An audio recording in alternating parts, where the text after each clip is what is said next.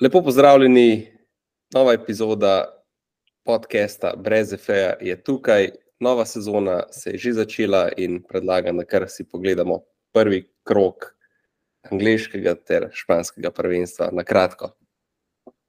Um, če dovolite, bi kar jaz začel, mogoče na hitro, um, potem pa mogoče na koncu pokomentiramo tudi malo fantasy, ker mislim, da da bi bilo fajn pogledati, uh, kdo, je, kdo je flopno že v prvem krogu, pa kdo je uh, zmagal. Okay. Um, jaz sem si pogledal dve tekmi. Uh, prva je bila Chelsea in Liverpool. Um, kar sem opazil, je, da, da je Chilwell, uh, po mojem, starter za vse fantasy ekipe do, do konca leta, res je bil prodoren po levi strani. Um, v sredini tudi Enzo Fernandez, zelo soliden. Um, zanimivo mi je bilo, da je Liverpool po prvih 30 minut do tistega trudskega razveljavljenega gola uh, zelo dobro igral, pa ga je pa v bistvu po tistem razveljavljenem golu zmanjkanje, v bistvu je Chelsea držal tempo do, do konca. Um, bo pa še vsem se mi zdi, izredno manjkal uh, Chelsea in prav napadalec, zdaj pa se je poškodoval Nkunku. Um, kaj pa vidva, sta, sta, sta si pogledala tekmo, kakšno je vajno videnje? Um, jaz bi sam ne morem, sam povedati, da moj, moj internet povezava je danes slaba, tako da če bo, če bo kaj štega, se upravičujemo naprej. Uh, da mi pa sam povem, smo zdaj na, na ligah ali na fantasyju. Vmes je nekaj zaštekal. Da, da ja, zdaj smo na angliški ligi, začeli smo s Chelsea Liverpool. Okay, bom bom pa kar nadaljeval. Chelsea Liverpool, jaz sem gledal tako 20 minut, iskreno, sem jih v enem baru zasledil. Um, kar sem lahko videl, je tako. Um, mislim, najprej sem tako začel zapovedati, da mi je tako ful čudna ekipa. Ker dejansko po ekipe spona poznam, ful so teh nekih mladih,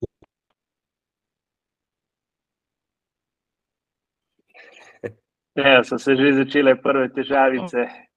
To je tako, ko se snima polet na remote. Ampak nismo hoteli razočarati se poslušalcev.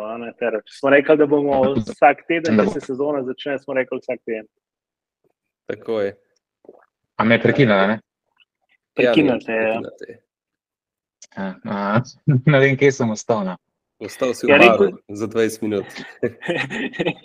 ne, rekel, si, rekel si, da ti je ful čudna ekipa, ki so ful teh mladih kupili. Tako, ja, ful tako, ne, mislim, uh, da so mi taki mladi neizkušeni. Po mojem so tako, po nekem mojem mnenju, imajo tako največjo zbirko nekih mladih talentov za Chelsea. Se mi zdi, da vse, kar je tako staro 20, 21 let, pa da ima tako malo potencijala, da Chelsea kar, kar kup.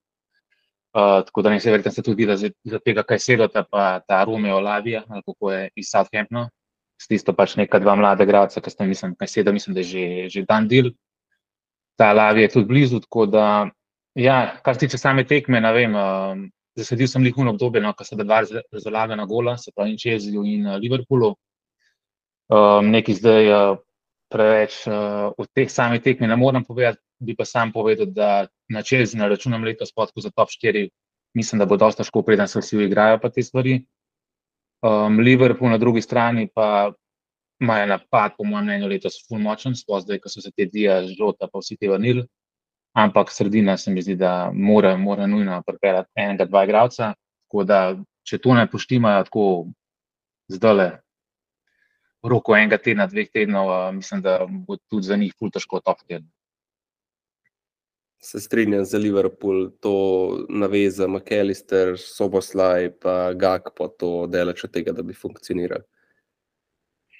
Ja, ja, v bistvu Liverpool praktično igra štirimi napadalnimi igralci, Soboslaj, Salah, Žota, Diaz, Gagpo.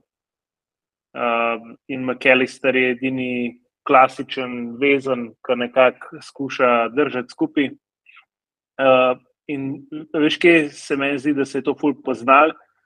Um, pri hm. tem, ki je bila posest ful na strani uh, Chelsea. Tako res odločil na strani Chelsea.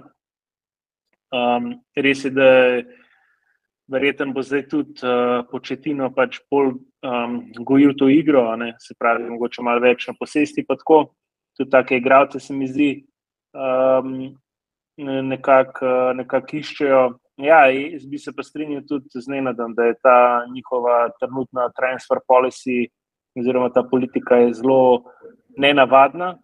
V bistvu je tudi zelo na meji, se pa, ko se bomo nadaljevali, taknili tudi transferje, zelo na meji legalnega, um, glede na to, kar delajo, bo mogoče malo prehrano pa za na koncu no, več o tem.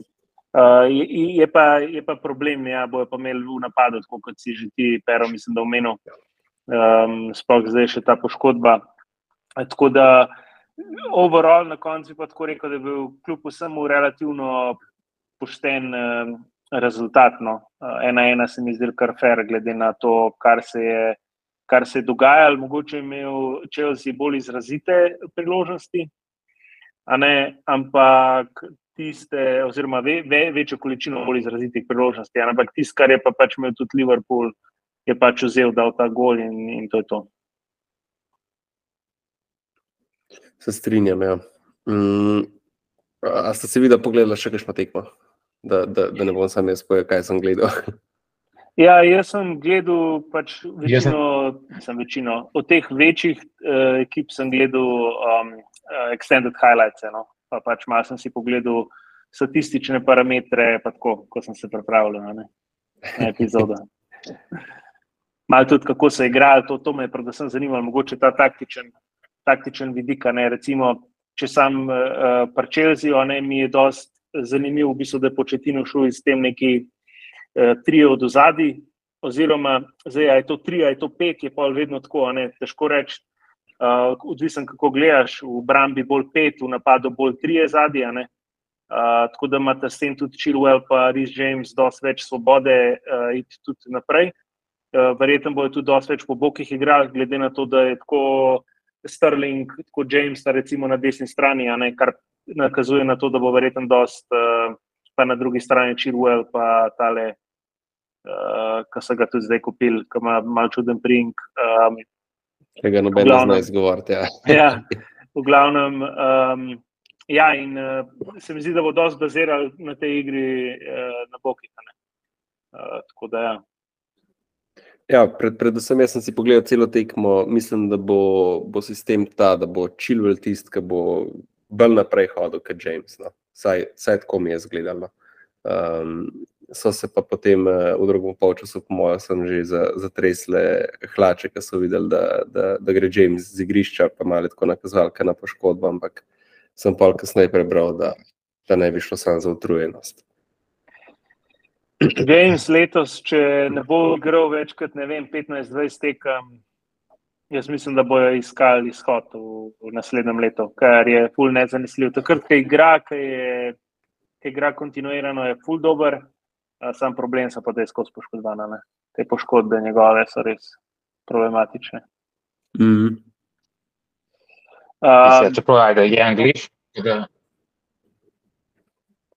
Sorry, jaz sem te prekinil z oki. Ne, ne, hotel sem iti na naslednjo, hotel sem moment, ker smo imeli zadnjič, razen če ste hotel še kaj v tej tekmi bojati, ampak zadnjič smo dosti visok uvrščali, uh, če se ne motim, uh, Aston Villa,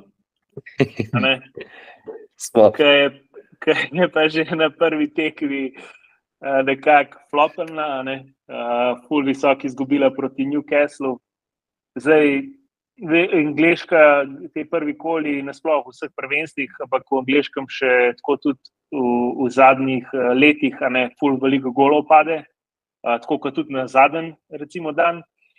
Uh, tako da po eni strani je to pač full velika, nekaj zgubiš 5-1, ampak po drugi strani ni nujno napovednik, eh, kako bo šla sezona. Ne. Sem se mi pa zdaj zanimiv moment, glede na to, da smo jo vrščali.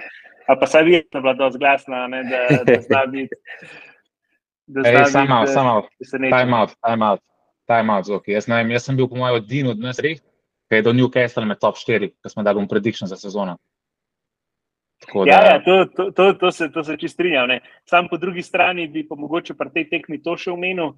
Ne, v bistvu, če pa gledamo expected goals, se pravi pričakovani goli, ne, pa ni bilo tako velike razlike. Kar pomeni, da je bil v bistvu Newcastle bistveno bolj učinkovit um, pri izkoriščanju svojih prilik. XG je bil, zdaj Huskor, nisem gledal, uh, sem pa gledal uh, od Sofa Skora, je bil 3,41 proti 1,77, kar pomeni, da bi bil pošten v tem smislu, a ne rezultat lahko tudi 3-2. Pa... Točno, točno to sem hotel reči. Jaz ja. mislim, da, da bo Fila še vsem zelo visok na koncu sezone, ampak da je bila tole bolj neka anomalija na začetku sezone.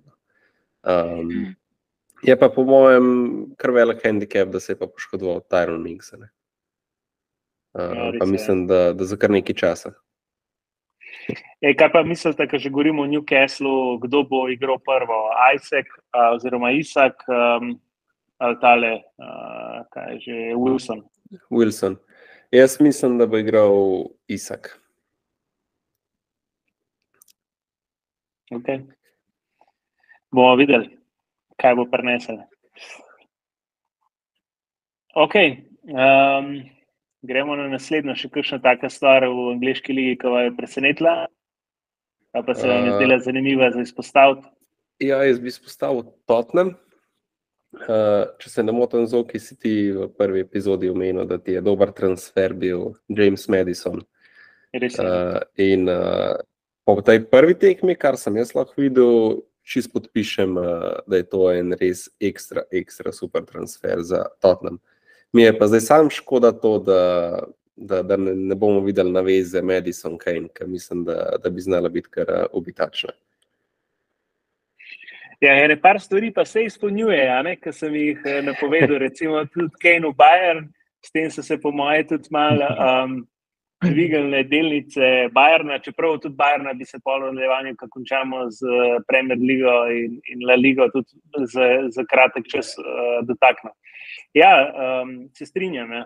Uh, žal, jaz tekme sicer nisem gledal in sem pa gledal highlights. Uh, pa tisto, kar sem videl, Madisona, tudi po, po statistiki, um, je v bistvu odigral ful, ful dobro tekmo.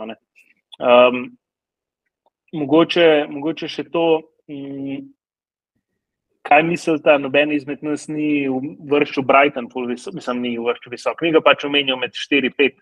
Kaj mislite o Brightonu?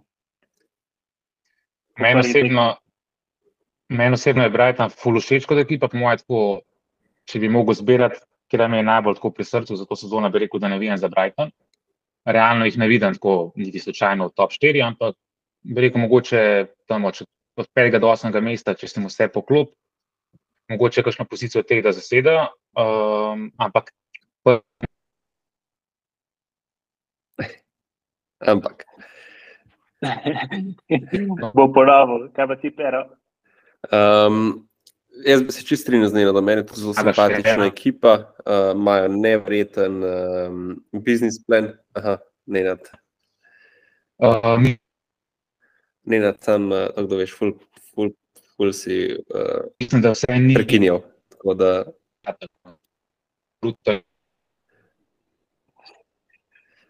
Evo, ja, neč, vedno, vedno na začetku so neki taki hikapi, ampak ne za to. Težave numero dve. Z menom. Aha, ne ne nazaj si. Zdaj, če ja, se slišiš,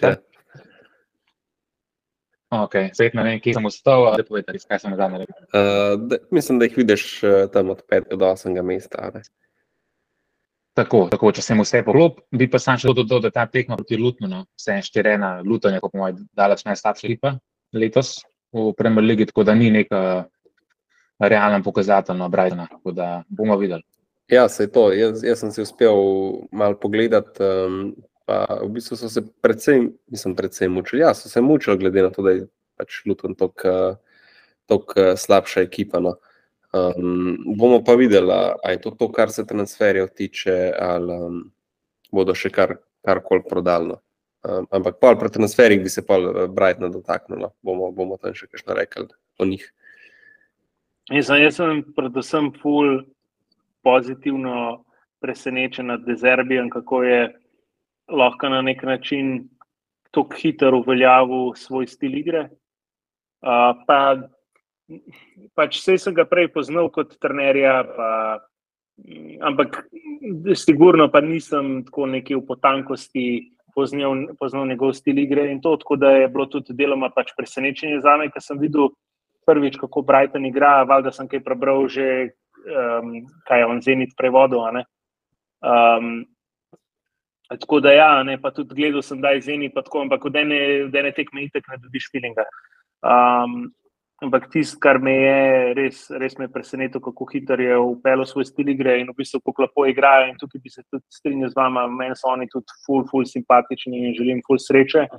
Um, tudi uh, ta žal Pedro, ki ga imajo zdaj, zna biti uh, tudi dober pik na, na fantazijo. uh, tako, da, um, tako da ja, uh, fajno.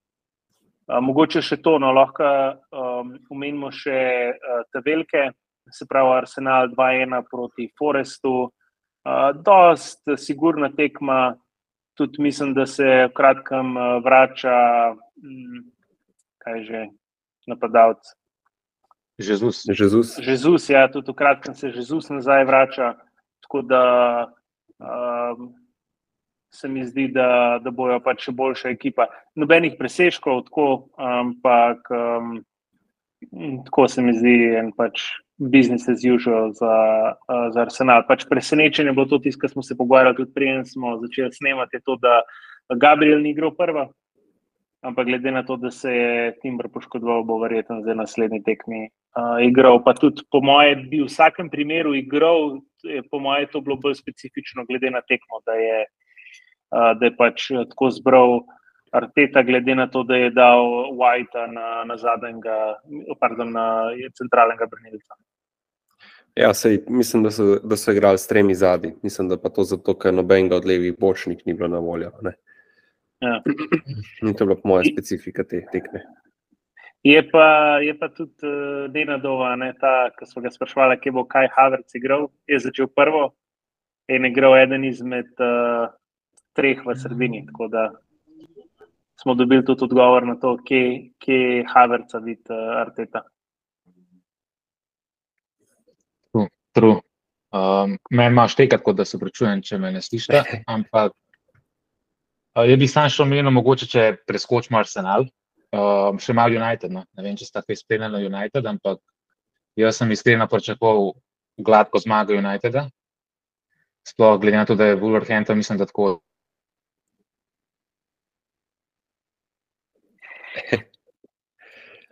Nenad, če ne slišiš, uh, spet te je prekinil. Mogoče glede United, da tisto, kar sem jaz videl, oni imajo, predvsem, po mojem, zelo velik problem na sredini. Ker uh, ogromen so imeli nekih zgrešenih podaj. Pa, uh,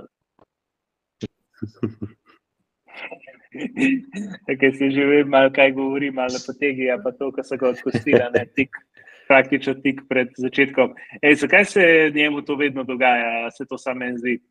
Najprej je bilo uno v Španijo, uh, pol je bilo uno v Madridu, relativno zdaj še tako pred uh, začetkom angliške lige.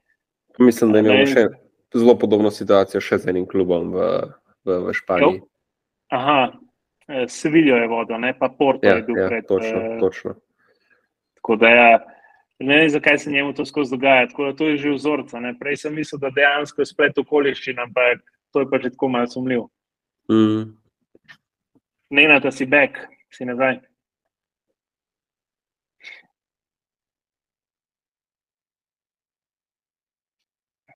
Ja. Ni, ni, ni panike. Verjetno ja govorili o tem. Ja, to so zdaj, ker so neki ujeli, da, da, je, da je on to, da je ne na to govoril, ampak očitno je on eno od naj zapustil. A si si ti kaj pogledal? Um, kaj, če sem si pogledal? Je to uh, Manchester, uh, Wolverhampton, ali kaj o tem? Um, pogledal sem mogoče pet minut, pa me je pa vse minil. Um, ampak ja, se strinjam, tako kot si rekel. Um, na sredini bo, po mojem, kar velika težava. Spoh, um, Bruno Fernandez je predvsej, predvsej nazaj potegnen začel. No. On, on more spredi, bolj spredi igrati, kot je včeraj igral. Ampak igral je pa zato, ker je po mojem hotel ten kak na vsak način komponirati v postavo Mounta, ki pa se mi zdi, da pa tukaj ne paše zraven nikamor. In uh, tudi komentatorje mislim, da so dobro rekli, da pač čim bojo prišle neke večje, bolj pomembne tekme, da, da bo Mount tukaj bolj sam za, za klop, zato da bo neka širina, ne pa zato, da bo igral te neke pomembne tekme. Ne. Ja, jaz tudi uh, ne razumem to, um, se pravi, to pozicijo Mounta v tej, v tej ekipi. Uh, ja, in... Po mojem, se bo še ful, sorry, zoki, uh, ful se bo še po mojem izoblikovala ekipa, zdaj, ki bo pač uh, pripravljen tudi Hojlund. Ker zdaj bistvu Rešford igra na strikerju, ker to pač v osnovi ni. Uh, Garnača pač itak ni, ni zrel, se United, uh, Mount, pač tako sem rekel, smeče, če lahko rečem. Um, Uh, tako da, po mojem, ko se vsi vrnejo na svojo pozicijo, oziroma ko bodo vsi ta pravi igrali, uh, mislim, da bo zgledal veliko bolj, kot je pa to prvo tekmo. Um, se je pa tudi videla ena zanimiva stvar, kako, v bistvu, uh, kako so začeli graditi uh, napade od zadaj, zdaj pa imajo pač Golmana, ki zna odigrati kakšno žogo. Res je. Um, imam pa eno vprašanje za vaju, glede na to, kaj, kaj pa mislite o Jadenu Sanču? Ne, to, to tekmo sploh začel ni, je prišel pa v, drugi, um, v drugem polčasu. Veliki angliški up, ki je prišel kot kakšen ukrepitev iz Dortmunda, takrat se ga je tudi dosti povezval, verjeten tudi z Barcelono, z Realom. Um, zdaj za Balco nisem zihar za Real, se ga je nekaj. Ampak si predstavljam, kako ponovadi se itak z obema povezuje, če, če ni tako zelo izrazito, uh, da že sami igralci pove. Uh, tako da, ja, kaj si mislite o njem? Ne, nad boš ti? Bom zelo kratek, ker me verjetno me bo prekinil spet z eno besedo flop za enkrat. Da, um, bi pa samo mogoče omenil za Garnača, ki si rekel prej, da mogoče ni dozrel ja. za United. Najem, jaz sem malo gledal tudi pre-season, ko highlights je pa to in ok, res da so highlights, ampak meni bo Garnač tako daleč najbolj tako nevaren v njihovi ekipi. Tako da jaz sem skoraj hotel, da ga načrtaš v svoj fantasy, svojo fantasy ekipo. Tako da jaz pričakujem dejansko, da ga načrta letos. Da... Bo naredil, bo pa povedal. Bo povedal, kaj bo Grnačo naredil. Če ne prej v drugem delu sezone, pride v prvih 11, da bo reden. Da. Okay. Če bo reden, ampak koga bo pa posedel? Antonija ali Rešforda? Antonija, po mojem, reči, po mojem, pica, dokler ne pride Holland, pa pa, ja, pismo, ne vem, dejansko. Ja, ja treba reči Antonija, jaz mislim, da rečem, da stane. Pa sej Holland, Manjkajo, manjkata dve tekmi. On, mislim, da ste rekli včeraj eh, komentatorja, da začne v četrtem krogu proti Arsenalu. Tako da prav veliko časa za dokazovanje nima. bomo videli, bomo videli, ampak uh, moramo se tudi Hollanda dotakniti, polkamo na prestopih. To je tudi ena tako zanimiva zgodba, ampak bomo prišli do tega. Boš povedal. Ja, mislim, da uh, United ima kar nekaj teh relativno enakovrednih krilnih napadalcev, uh, med katerimi lahko izbira ten hak. Pa, ne vem, recimo, meni osebno je Antoni sicer dober igralec, ampak vprašanje pri njem je po moje glava in se mi zdi tako, da on je za pršo, ne tudi če se ne motim, eh, z nizozemske lige v glavnem. Ja. Um, se mi zdi, da je to za njegovo glavo kar velik preskok v tak, v tak močen klub. Um, in podoben, je, podoben sem si mislil tudi, recimo, Lic, uh, Barcelona, Rafinja.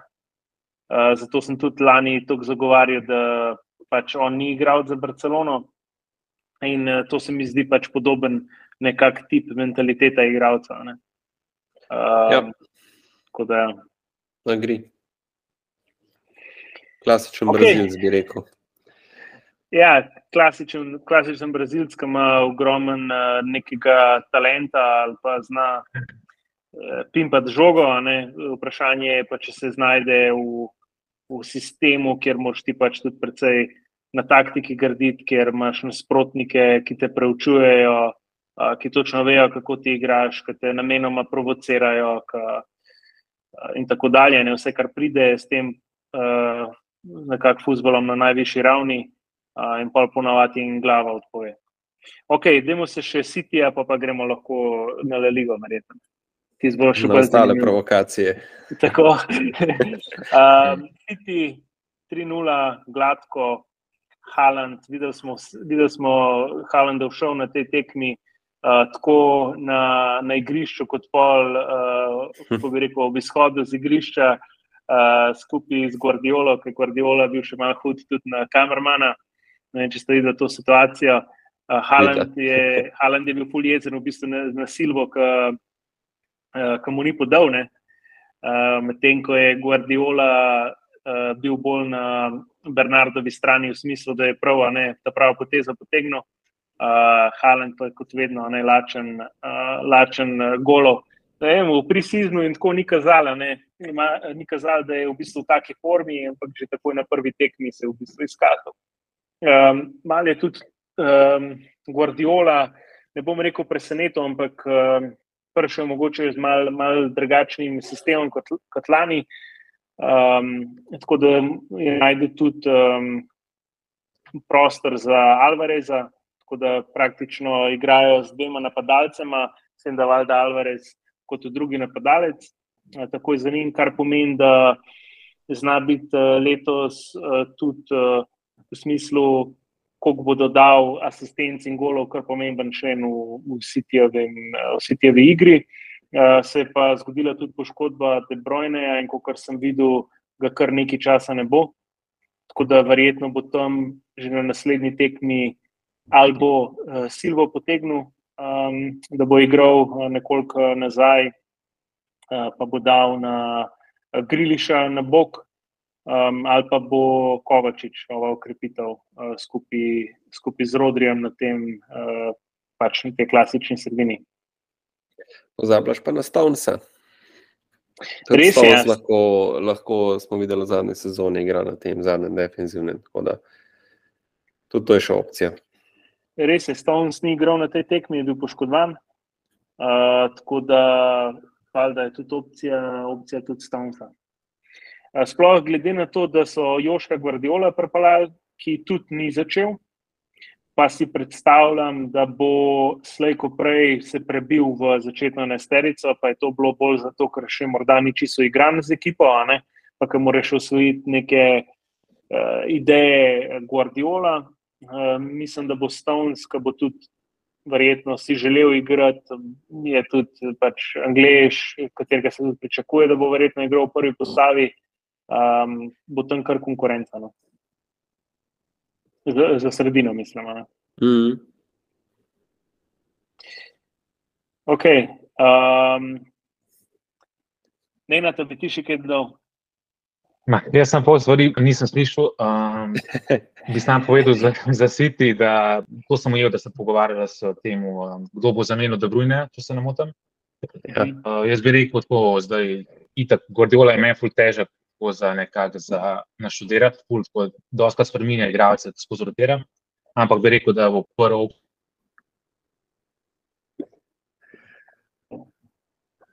Ja. Ne, na dva pol napisal v komentar, eh, koga on misli, da bo igral na mestu De Bruyne. Ja. Mora iti bolj to point. Je tudi pač prvi. Ja. ja.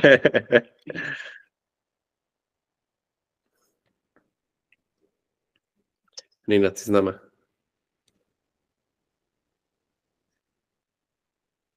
Okay. Hvala, če bo na mestu brune. Super. Uh, okay. uh, gremo na ligo. Uh, imate kakšno specifično tekmo, ki bi rada prva omenila? Ali začnemo Barcelona. pri, začnemo pri prvem derbiju? Ajdemo začeti pri prvem derbiju. Sevilija, Valencija je, bilo, um, je bil že v petek, če se ne motim. Um, tako da 2-1 za, za Valencijo.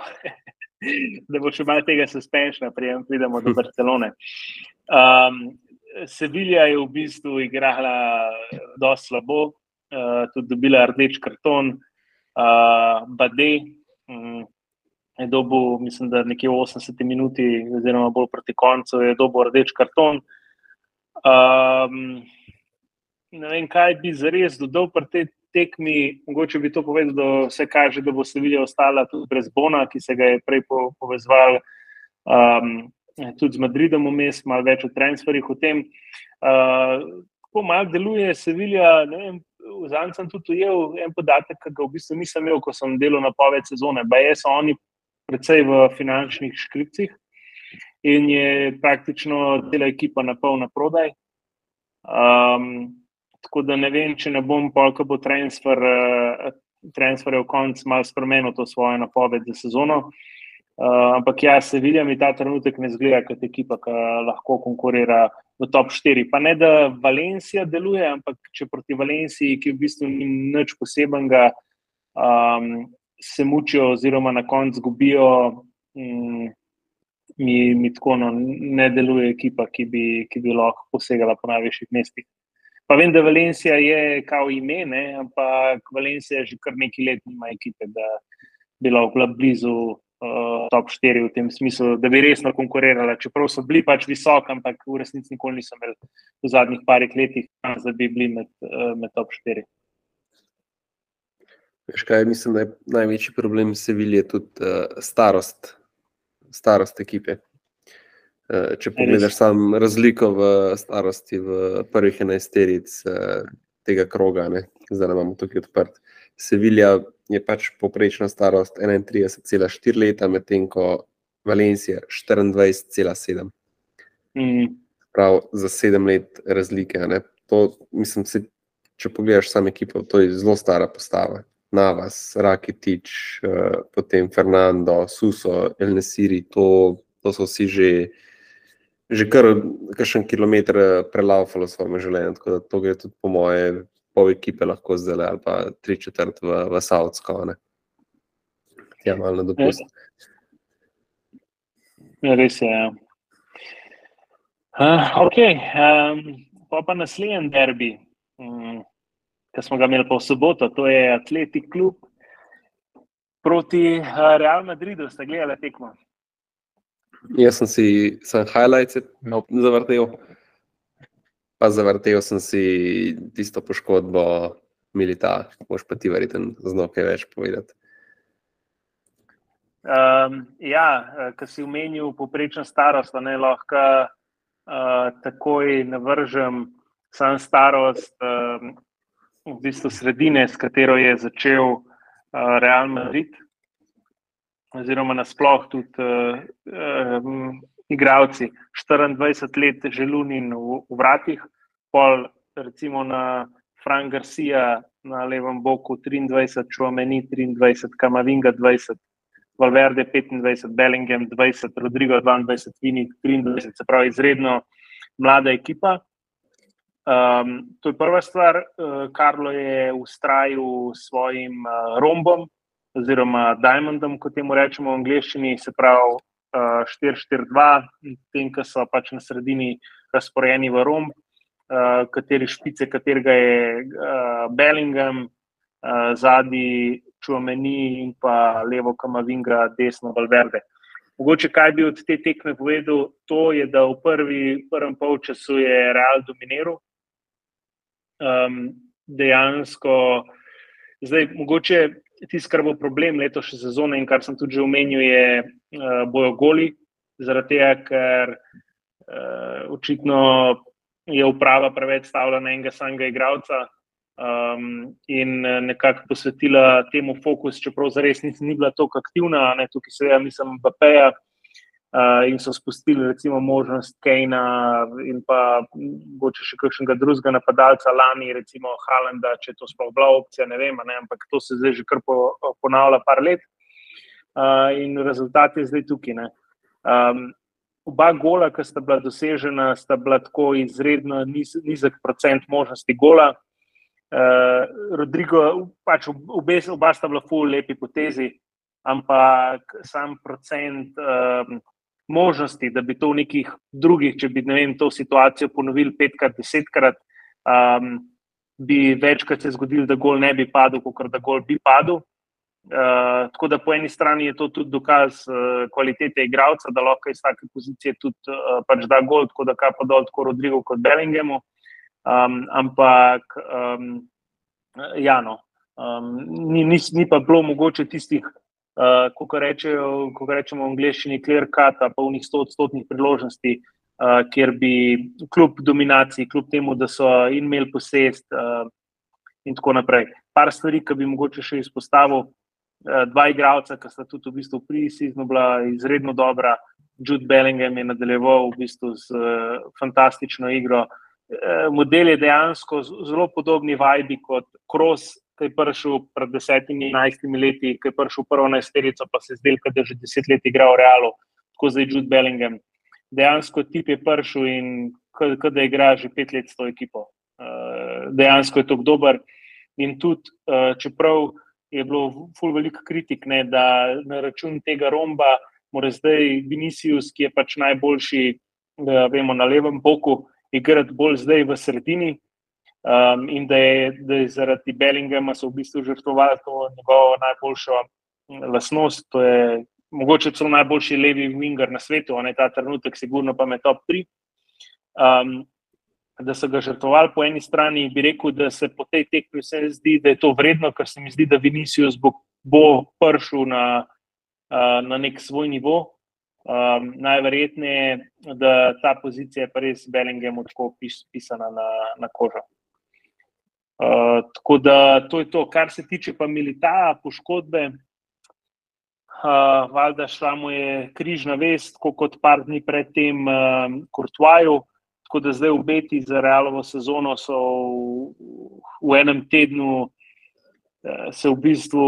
Uh, nekako začel kotirati, sigurno nižji zaradi tega, uh, ker um, Courtois je eden najboljših, če ne celo najboljši golman na svetu v lanski sezoni, ali pa v lanskih parih, samo parih sezonah zadnjih. Um, in pa najboljši brnilc, realno, najverjetneje je ta trenutek. Ne, eh, oba, oba sta se poškodovala in je praktično celo sezono na bo, zdaj za Kortoje je že prišla zamenjava, bomo več o tem kasneje. Za Melita se pa govori, da ne bo prišel nobene zamenjave, tudi mogoče malo kasneje več o tem. Uh, tako da zdaj je zdaj vse na Alabi, Naču in pa Rudigerju. Mislim, Rudiger in Načo na klopi, mislim, da bi si želel boljšo, boljšo backup uh, centralne brnilce ampak da greš pa sam s tremi v sezono, medtem ko je Alaba, znam potem, da vsem, pa je pač tudi že nekaj v letih, znam potem, da, da rad manjka vsake tok časa. Ne, imaš na koncu lahko priješ do situacije, ko imaš Alaba poškodovanega za 14 dni, načo ima recimo 5 kartonov, pa mora naslednjo tekmo manjkati, ne, pa se je podvisen od Rudigerja, pa nekoga iz Kastilije ali pa ne vem, čuva menija, da daš nazaj, ali pa mogoče mendija, ki je tudi skozi poškodban, da ga daš na pravnega vrtenja.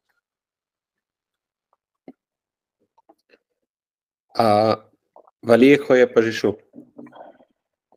Valjeho je posojen v Granado in je tudi igral v prvi postavi Granade. Mogoče, kar bi pa še to povedal, trenutno pa Frank Garcia je tako ful toplo hladno, Uh, tudi od njega bo dosti odvisen, ker je meni veliko poškodovan. Uh, pač v Brambi je tako zelo živčen, deluje. Tako tudi um, veliko ima teh uh, podaj, ki so netočne, ne natančne, je pa zelo usmerjen v napad, je zelo hiter, zelo fizično, zelo dobro pripravljen. Tako da je zelo dober podpor lahko v napadu, ampak um, liability oziroma lahko zelo velik. Um, velika luknja v obrambi, kar je spet problem, ker na drugi strani je pa kar vahal že tudi v letih in, in vemo, da, da ga mrsikater uh, winger z lahkoto prešprinta.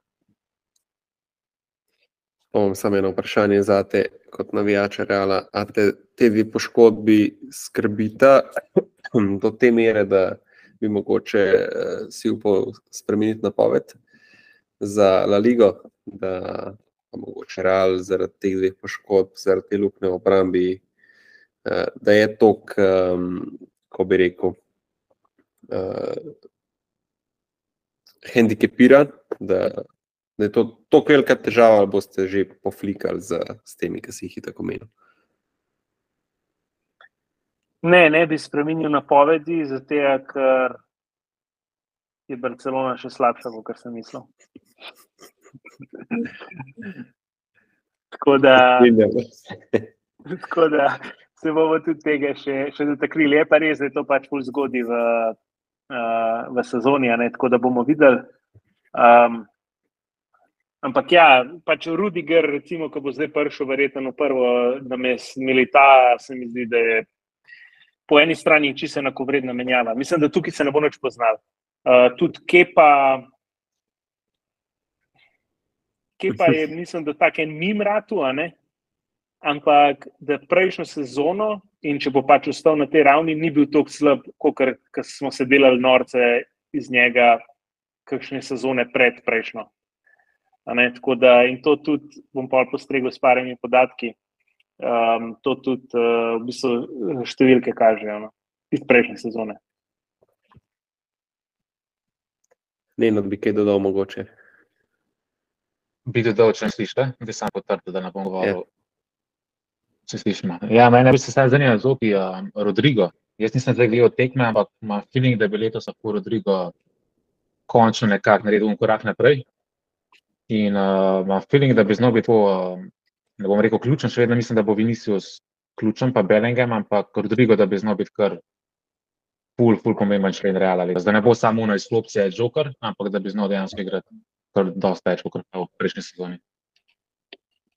Ne, zanima, Rodrigo, bo po, Rodrigo bo, po moje, kar vedno prvo igral, razen pač z nekim mogoče slabšim nasprotniki, ker ga bo hotel Karlos počiti, pa bo recimo Hoselu igral prvo. Vse recimo v drugem polčasu, se pravi, igra so 4-4-2, a ne, ali pa če hočete 4-1-2-1-2. Um, v drugem polčasu so, uh, polko je šel Modrič noter, pa Hoseluka je šel noter, so v bistvu igrali Uh, da nam zdaj narobe povedal, se pravi, Hoselu je bil uh, sam v napadu, šla sta tako ven Rodrigo kot uh, Vinicius, takoj za njim je bil v bistvu Modrič. Um, pol so bili pa 4-4, se pravi 4-4-1-1 so igrali. Uh, takoj za njim, uh, se pravi za Modričem, tudi Kros je šel noter, um, so v bistvu igrali v ravni liniji. Um, In si predstavljam, da na kakšnih, mogoče malo slabših tekmah, ali pa recimo na tekmah pred Ligo Prvakov, ali pa za nekim zelo pomembnim dvobojem Lige Prvakov, ko bo hotel izpočiti, um, pač Rodrigo ne bo igral. No. Ampak mislim, da je on kar ta trenutek zacementiran. Uh, tudi um, dejansko trenutno boljši igra od Viniciusa. Uh, oziroma predvsem boljši izkorišča, se mi zdi, priložnosti, eh, bolj, bolj, se, bolj se odkriva. Vinicius še, še vsem dosti dobiva žogo, ampak tudi precej sam želi neki kreirati, driblati, pač tisto, kar je njegova igra. Ne. Tako da vidi se tudi še vsem od Viniciusa ful ta tendenca, on gre zelo velik na lev bok, čeprav igra v bistvu na sredini, kar po eni strani niti ni tako uh, slabo, je pa problem in to je tisto, zakaj pač manjka gol skoraj, ker pol nima nikogar v sredini, ki bi mu lahko podal. Uh, Rodrigo je premehen, prešibek, da bi se lahko ful um, neki kosil z nekimi ful močnimi brnilci. Um, Pol imamo pa tukaj seveda Bellinghama, kar je pa, kar je pa dobra stvar. No. Bellingham pač ima te neke pozne, late runs, kot rečejo v angleščini, v, v 16 in se pač velikrat, velikrat prije v ta položaj. Um, tako da Bellingham tudi po moje leto zna zabiti kakšnih 10 golov. No. Uh, tako da ja. Pač pa ja, na Rodriga se definitivno računa. Ok, um, dajmo se še dotakniti, preden gremo na Barso. Bi se jaz dotaknil še Vilja Real Betis, samo zato, da povem, da je fantastično tekmo odigral Isko. V bistvu je bil najboljši posameznik uh, Betisa, uh, tudi po moje fizično, tisto, kar sem jaz videl, fizično pripravljen. Po moje 2018 je bil ta zadnji tako dobro pripravljen fizično. Tako da, kot kaže, je treniral, je delal na sebi. Um, tudi mi je, mislim, da največ um, uh, kipese, se pravi, uh, podaj, ki so se končali s strelom. Uh, tako da, uh, mislim, da od vseh igralcev na, na igrišču, uh, tri, tako da uh, je bil tudi, uh, mislim, ni, ni bil, ni bil tako daleč oddaljen tudi od prve asistence že v letošnji sezoni. To. Um,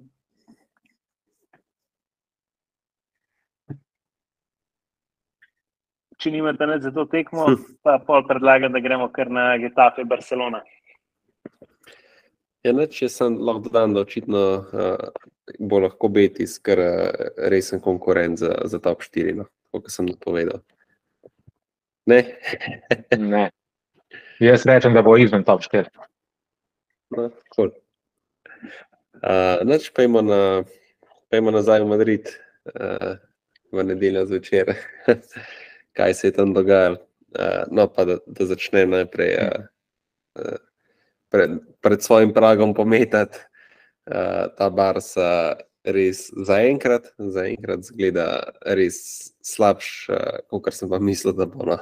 Um, definitivno se rad prepeljati uh, desnega bočnega, ker uh, to, da tam štukata Araujo ali Kunde, uh, ne bomo mogli v nedogled to pije vodo na klasikih, to smo dobro videli, ampak uh, tako, ki se pa išče gol, ki pa treba napadati, pa je tam nujno nek, uh, nek igralec, ki lahko prenese žogo naprej. Zdaj, ali je to kancelo, ki je zelo blizu prestopa, ali pa nek mlajši, uh, mlajši uh, igralec iz uh, španske lige. Ne.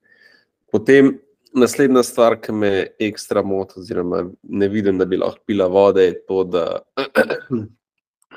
je poskušal v bistvu z enako, enako postavitijo kot Karlo, tudi Čavi, se pravi s tem Diamondom, vsaj tako, mislim, da je bilo na začetku zamišljeno, se pravi štirimi veznimi, uh, na zadnjem Romeo, potem pa De Jong, Pedri in pa Gundogan, pa v špici potem Levandovski, pa Rafinja. Ampak eh, Rafinja je tak, tako, takoj potegnil na desno krilo in tam se je pa uh, vozil gor pa dol, cel, skoraj cel polčas. No. Um, tako da Levendovskega ni bilo, Gundogan zaenkrat še ni tam, ki je bil lani v Sitiju, tako da zaenkrat uh, me brez desnega bočnega, pa še enega konkretnega napadalca, kar re, resno skrbi. Um, tako da mogoče mogo jaz zamenjati uh, napoved uh, po koncu transferja, no? tako da bomo videli. Um, ja, potem je pa tle uh, Bordalas, pa njegov Getafe, a Eh, ne vem, kako si uspela pogledati, ampak uh, od prve sekunde naprej, kakšen pristop so obra obrali.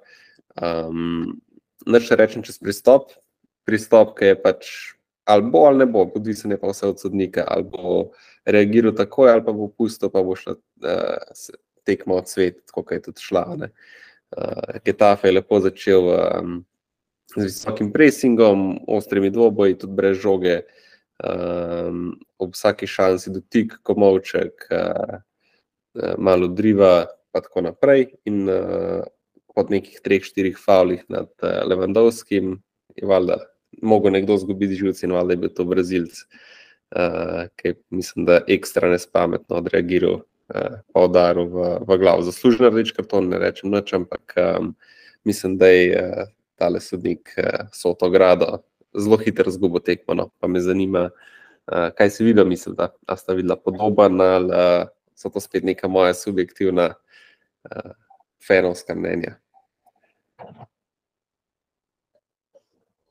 Bom pustil na, najprej ne na to, da. In da imam občutek, da je zmrzno. Um, ja, ja uh, pač jaz bom pa na drugi strani ajde začel. Pač klas, klasičen bordalasa. Ne? Ta ja. nek, kakšen bi rekel, antifuzbal, kakšen bi rekel, kačenato, kakšen bi rekel, ne vem, karkoli že, ampak nekaj, kar on počne, pač ni, ni nič novega, uh, z vsemi ekipami, še posebej pa z Getafojem, pač fura ta, ta isti visoko fizični stil ki je vedno, vedno na meji kartona. Ne? In tako kot si rekel, sodnik, eh, če jih na začetku ne umiri, um, pol hitro lahko zgubi tekmo. Ne? In kaj je bilo značilno za to tekmo, je, da se je v bistvu ful mali igral, ne ful je bilo veliko prekinitev, uh, tudi tekma je na koncu uh, ful, ful dolg časa trajala. Um, ogromen je bilo enih napak. Uh, zdaj, če bi šli pač gledati, uh, na kateri strani jih je bilo več. Uh, oziroma, tako bom rekel, jaz mislim, da sodnik ni favoriziral Getafeja, kar pa ne pomeni, da ni Barcelone tudi oškodoval, kar mislim, da jo je. Um, ampak recimo ena taka, ki ni sicer spremenila poteka tekme, ampak kar koli, ampak recimo kaj tam Rauho delo, ko mu je Gundogan podal, ne, in bo del, kar je Jane žogo, ne, kaj leti v avt. In tako niti rumenga ni dobil. To, a veš, mrsi kater full stroke sodnik bi se tam tudi rdečega odločil, pa bi se valjda bunil, kakšen rdeč, ne vem, rumen, ampak pač on nič ni dobil. In valjda to tudi nasprotniki vidijo, ne, ne samo ne sem pač Barcelona. Ne? Če nasprotniki vidijo, da za tako potezo ne dobiš niti rumega kartona, ne? se bojo pa tudi verjetno malo več uh, dovolili v nadaljevanju. Pač kar, kar je mogoče meni pri igri Barce skrbel, to je, da sta bila napadalca praktično odrezana od igre. Uh, Rafinja pa Levandovski sta imela manj dotikov žogo kot, kot Trštegen. Ne, Rafinja se je 16 dotikov imel v celi tekmi, se res, da ni odigral pač celotne tekme, ampak to, kar je igral, se je 16 krat dotaknil tekme, eh, pardon, žoge. Levandovski se mi pa zdi po drugi strani, pa me popravi, če drugače, eh, mogoče vidite tak tip napadalca, ki obožuje ali pa z njegove lasnosti bolj pridejo do izraza, kadar ima ob sebi zelo dobre krilne napadalce. In tukaj v tej tekmi se je videlo, da ni bilo um, kako, te, kako se reče temu poslovencu, te true balls, se pravi, ni imel, ni, ni imel v prostor. Ni, ni imel tako, ja, uh, ni bilo pravih podaj v prostor, um, praktično z bokov, uh, ni imel nobene uporabne, uporabne žoge. Um, kar, kar je imel tisto šanso z glavo, ki je bila, je bilo v bistvu, če se namotam, je bil prosti strelj, uh, če se prav spomnim.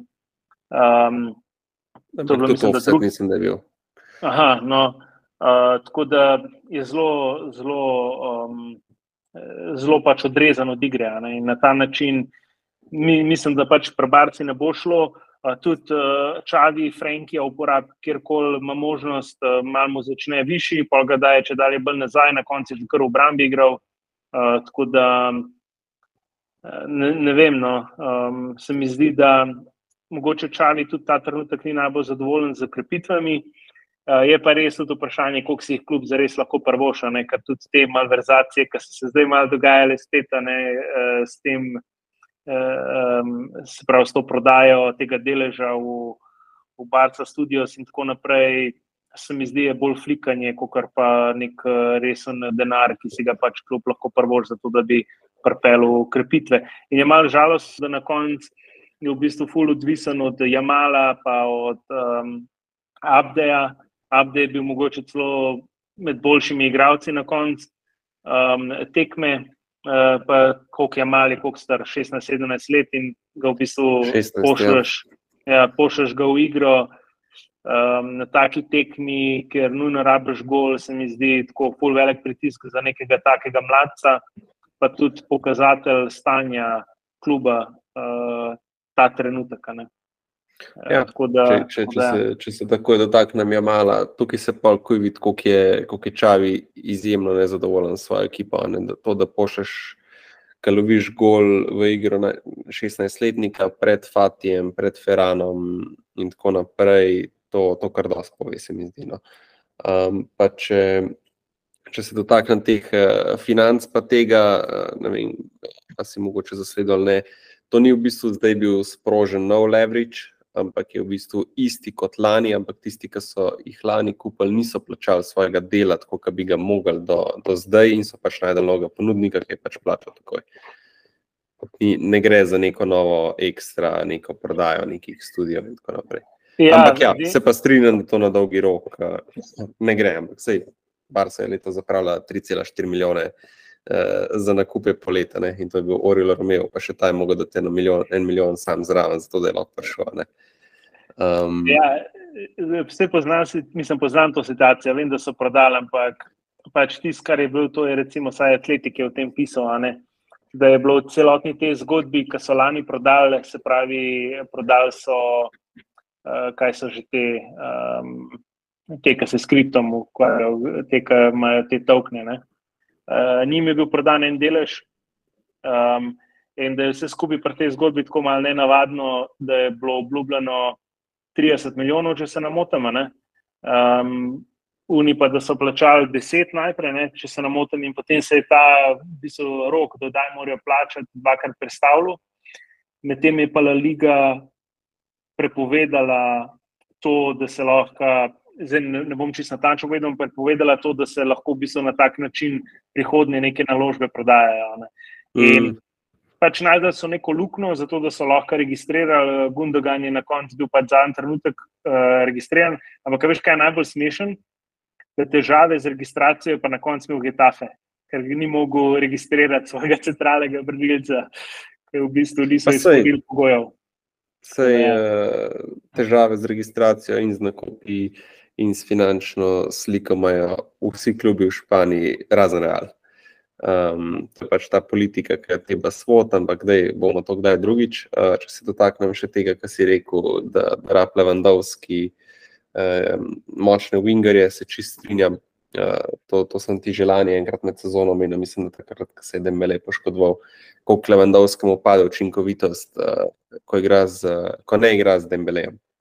Sicer mm. mislim, da za, za nekih 70 odstotkov uh, mu pade učinkovitost. Uh, um, takrat, ko je bil Dembele poškodovan. In tukaj, tukaj bo kar velika težava, um, ker ne bodo, ne bodo sigurno uh, najdel neke ustrezne menjave za njim, zdaj, ki je pač šel.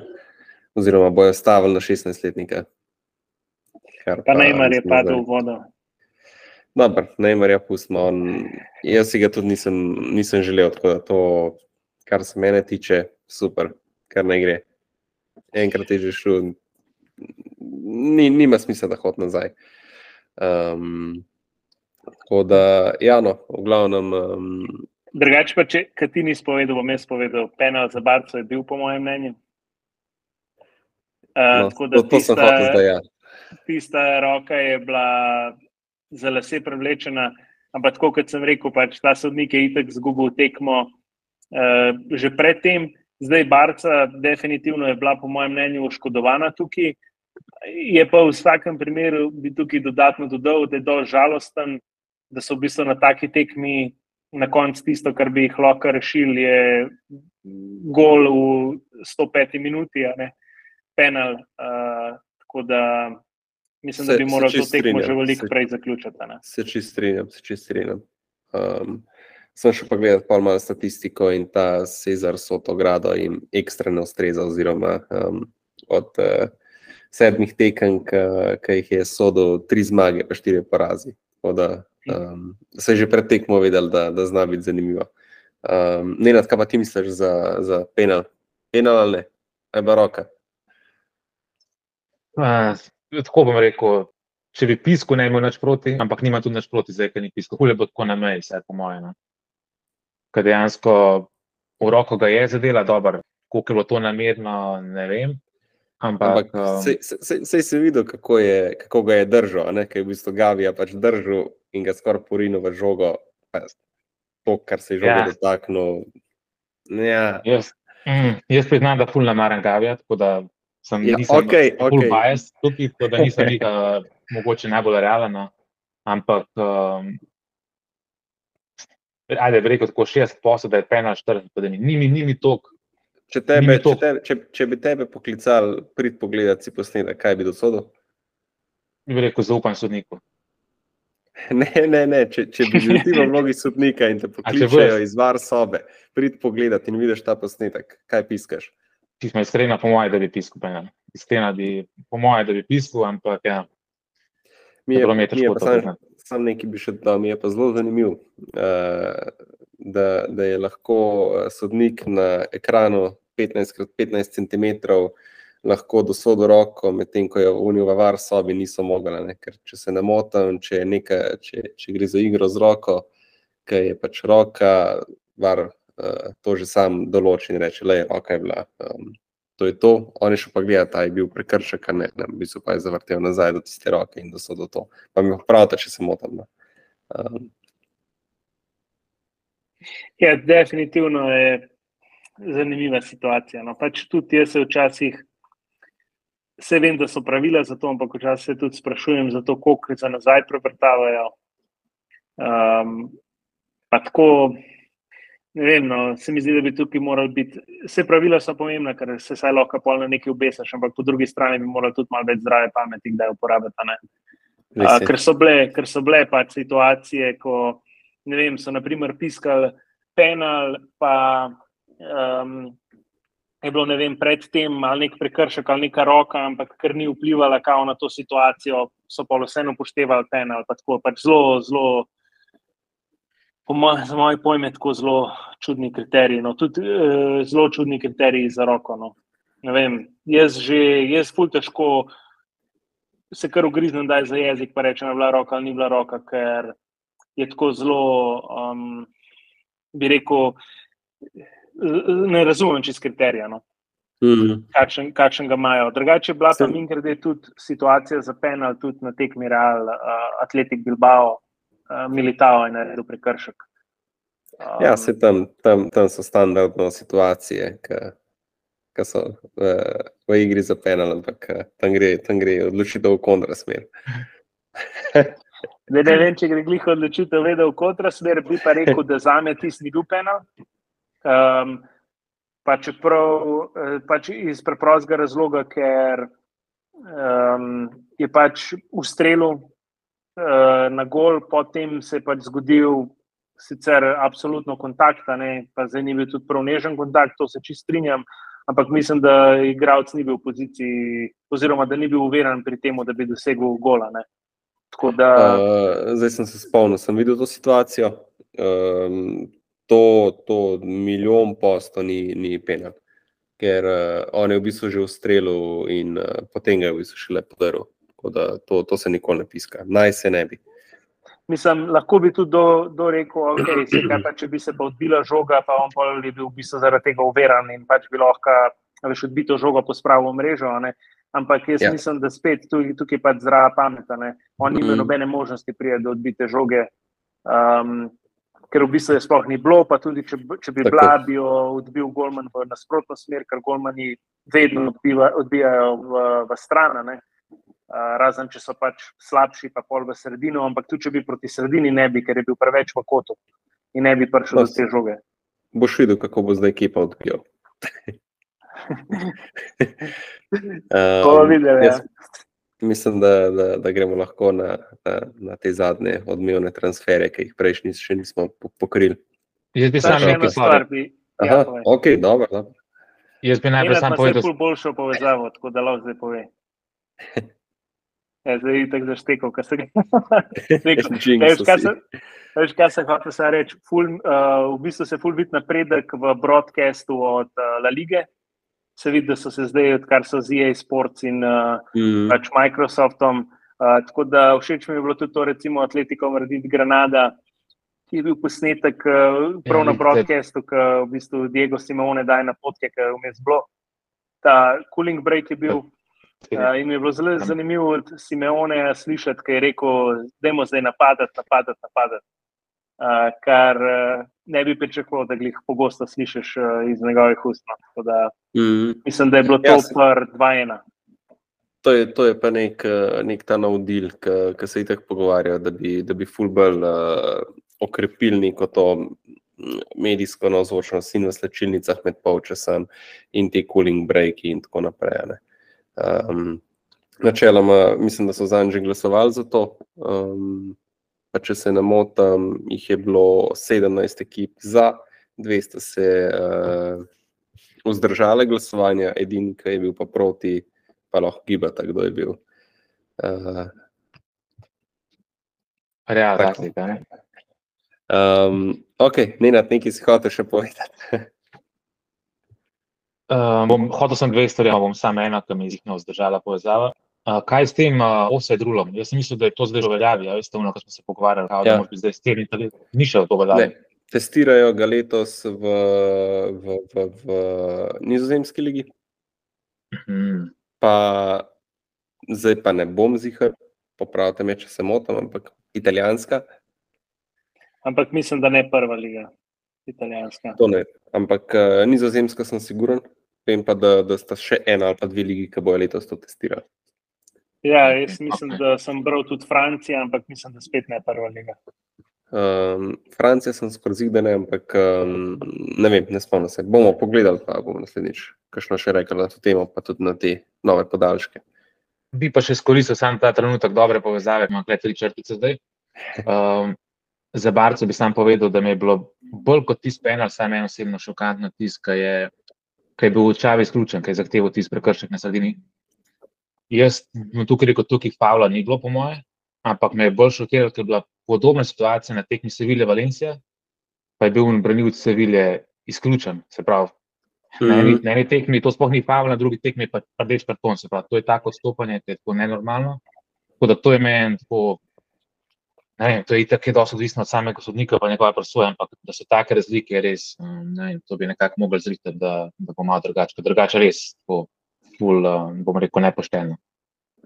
Lej, v sezoni 2021-2022 je bilo v španski ligi uvedeno, da vsi prekrški, ki so, kjer pride do brce ali pa da igralec stop, kar je bolj pogosto, na hilovo tetivo, je rdeč karton. Pač v, na drugi tekmi, se mi zdi, je dobil modrič rdeč karton. Pol pa vse nadaljne tekme, ki sem jih jaz gledal, se ne spomnim, da bi kdo dobil direkten rdeč karton. Hmm. In pač takrat, je, takrat ga je Modrič, on je bil tako šokiran, pač, ker je tak teh situacij, drugače je to fulno nevaren prekršek. Ne, pa sploh tetiva, če ti gre, a ne te ni praktično celo sezono. Se strinjam, da je fulno nevaren prekršek. Ampak po drugi strani je pa tudi relativno pogost, ne, kar pomeni, da bi zihar en rdeč karton na kolo, uh, se pravi na krog, uh, bi bil na ta račun. Sem prepričan, da na desetih tekmah se siguren zgodi en tak prekršek. Uh, pa pač jaz se spomnim Modriča, to je to. Pa sem gledal veliko drugih tekem. Um, in tudi ogromen je to tudi dokumentiran, bilo pol na spletu, um, razno raznih uh, Gavijevih podvigov na ta račun. A Ne, ampak se mi zdi to relativno pogost prekršek. No. Tako, um, pa ni, nisem zato, da pač ne, ne se sankcionira zaradi mene z rdečim kartonom, to, ne, ampak pa moraš biti dosleden, kar pa La Liga funi. No. La Liga je dejansko sodniki niso dosledni, ti ne veš, kaj boš dobil. Enkrat Ja. uh, bo tako, drugič bo tako. Um, In uh, seveda bojo tisti, ki navijajo za Madrid, rekli, da se vedno sod proti Madridu, tisti, ki navijajo za Barca, bojo rekli, da se vedno sod eh, proti Barca. Jaz sem gledal tega, morda tako, a ne. Se mi zdi, da to, kar ti sodniki dajo, ti tudi oduzamejo. Um, pa da pač slišiš uh, samo eno stran, ne, kot sem rekel, odvisno za koga navijaš, ampak katastrofa je to, kar pač ni, ni kriterijev. No. Niso enotni kriteriji. Ja, se strinjam. Cool. Gremo lahko malo kar na transferje, če sta, če sta da. Se strinjam, gremo. Kdo bo začel? Bom jaz, pa imam zdaj povezavo nerealno dobro, pa bom hitro izkoristil. Um, najprej bi omenil, okay, da to, kar smo, vsi- mislim, da smo že omenili danes, Kane v, v Barn. Uh, ful čuden mi deluje, tako nekako mi ful ne paše skupaj, ker sem navajen Kane, pač Tottenham Anglija. Tako da mi je tako, mogo se bom kar uh, navaditi na to, da je zdaj v Barnu, ampak vsaj tako na papirju se mi zdi, da je to perfect fit. No. Tako, pač, ono, če, bi, če bi mogel zbrati enega napadalca, ki bi ga dal Baren, bi do Kejna. Tako da pričakujem, ne bi se čudil, če bi imel tako v tej sezoni Nemške Bundesliga 30 plus golo- golov, realno. Tako da se mi zdi, da bo to, vsaj kot sem rekel, na papirju mi deluje tako perfect fit, tako da kakšno je vajne mnenje glede Kejna pa Barna. Zoran, izvoli. Kane se meni zdi fantastičen, fantastičen izbor za, za Bayern. Tudi Tuhal ga je osebno hotel, tako da mislim, da bo tudi gradil igro okoli njega. Imajo odlične krilne napadalce, ki ga bojo lahko suportirali, tako da ostajam pri tem, da je moj pik eh, za eh, Ligo prvakov. Je pa se pa vidi, da je pač totalno neuigran. On je imel v 26 minutah se trikrat dotaknil žoge. Um, tako da pač čist je bil odrezan, čist od igre. Uh, tako, da, tako da, ja, no. je pa res, da je bil to en tak tudi mali šov Danija Olma. Ampak, ko že omenjam to tekmo Um, Skrupi je tudi začel Benjamin Šeško, ki je imel eno fantastično priložnost, ampak je žal ni izkoristil, oziroma je rekel, da je celo slabo strelil. Um, tako da je bil pa eno. Imel jih je še več. No, ampak eno je imel tako, da je bila res ena na ena uh, z Golmanom praktično. Pač imel je branilca sicer na hrbtu, ampak po eni strani relativno neuverana, ne, uh, za ta, kot se pričakuje, za nekega vrhunskega napadalca, da take stvari pač pospravi. Zdaj lahko je še mal mm -hmm. uh, rasti, ali kako se temu reče. Um, no, treba ja, še. Ja, ja, pa tega. No. Ampak, ampak bom imel v bistvu. Ko kar igrajo, bo imel kar konkurenco napadov. No. To je ena stvar, ki me mogoče mm. za Šeška malo mal skrbi. No. Ja. Ampak je šel ena, dvakrat, trikrat, mislim, da ena na ena. Enkrat je še uspel predriblati uh, Ulrika, ampak je pol nek branilc posredoval pred golovo črto, ki je že v bistvu pospravljeno. Um, tako da um, bomo videli, kaj bo šeškam. No. Upam, da, da, da mu uspe čim več odigrati. Um, kar se pa Kejna tiče, se pa strinjam, da, da je to naj, najboljši možen pik za Bajren, kako nadomestiti Levandovskega. Eh, ker sta se mi zdi zelo podobna igralca. Ne, identična, ampak podobna. Spet nekdo, ki rad močne wingerje, ki ga, ga lahko suportirajo. Um, mislim pa, da je tudi Tottenham na koncu uh, iztržil iz tega prestopa Max, kar je lahko. Ker če bi pa še, če bi pa še zavlačil, pa še, še reject obide, pa mislim, da bi Bayern neko, ki hvala lepa, pride naslednji let za stop. Ja, pa glede na to, da je v bistvu že na napačni strani 30 let, mislim, da so zelo dobro ja. iztržili za njega. Ja. Um, ker je pač to je vedno tveganje. Se vemo, da igrači, ja, če dalje dlje igrajo, so če dalje bolj fizično pripravljeni, ampak še vseeno vidimo, kaj se je z, z Azarjem zgodilo po 30 letih. Mm. Pa še skomno. Uh, da, ja. um, ok, uh, transferi, Kane, kaj si še hotel, gospod Richardice?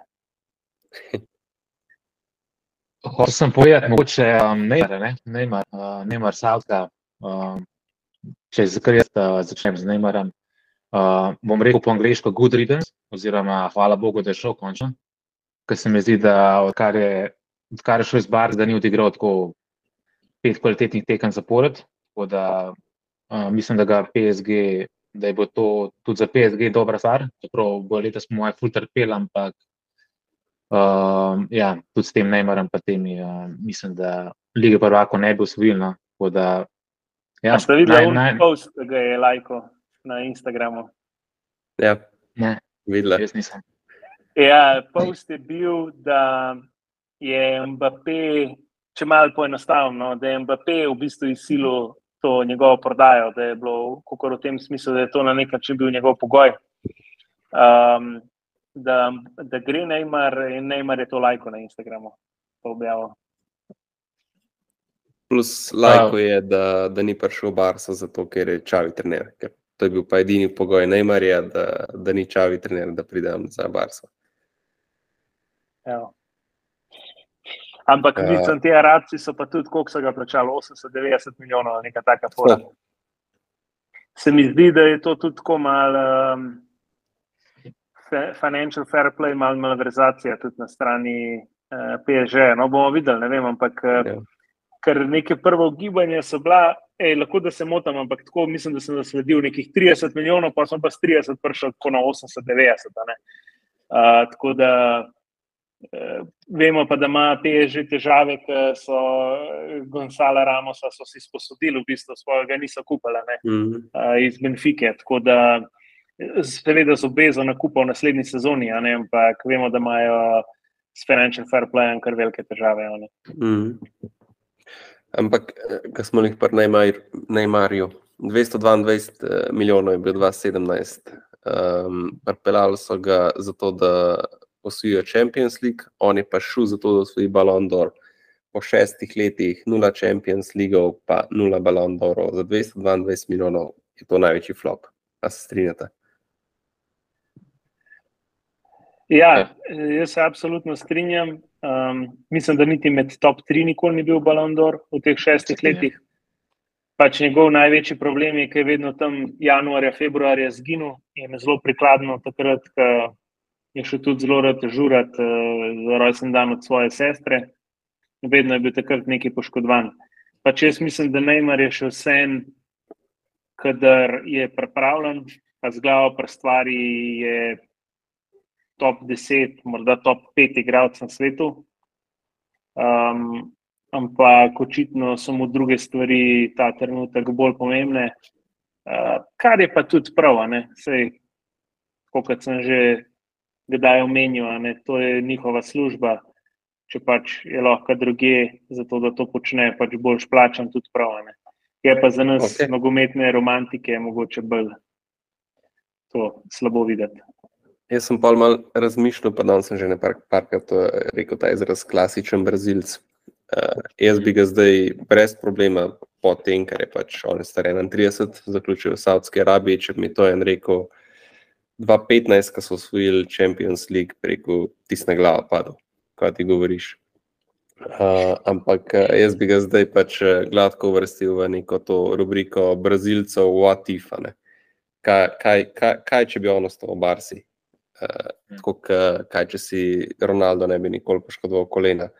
Uh, kaj če bi Ronaldinho futbol imel bolj resno, pa ga ne bi žural kot klasičen brazilc. Kaj če, ne vem, če Adriano ne bi padel v Depro, pa v Alko. Kaj če, kdo je bil še Robinjo, če, kaj če Robinjo, če bi Robinjo vedel, za kjer klub podpisuje v Angliji in tako naprej. to zgodbo poznate. Ja, ja. no, ampak ja, pač jaz uh, mislim, da z izjemo brazilske reprezentance uh, bo pač Neymar, po mojem, relativno hitro pozabljen. Uh, pa če, mislim, vsaj po, po, po, po letu 2017. Ne. Mogoče med Brazilci ne, ker je on full, med Brazilci ne, se pravi, da reprezentance. Pa tudi zato, ker je on bil dejansko full velika zvezda, še preden je prišel Barca v Braziliji. Se ga je Barca tudi ne pozabimo, full, full plačala, takrat je bil to ja. rekord, tudi brazilski, pa ne vem, če ni še danes.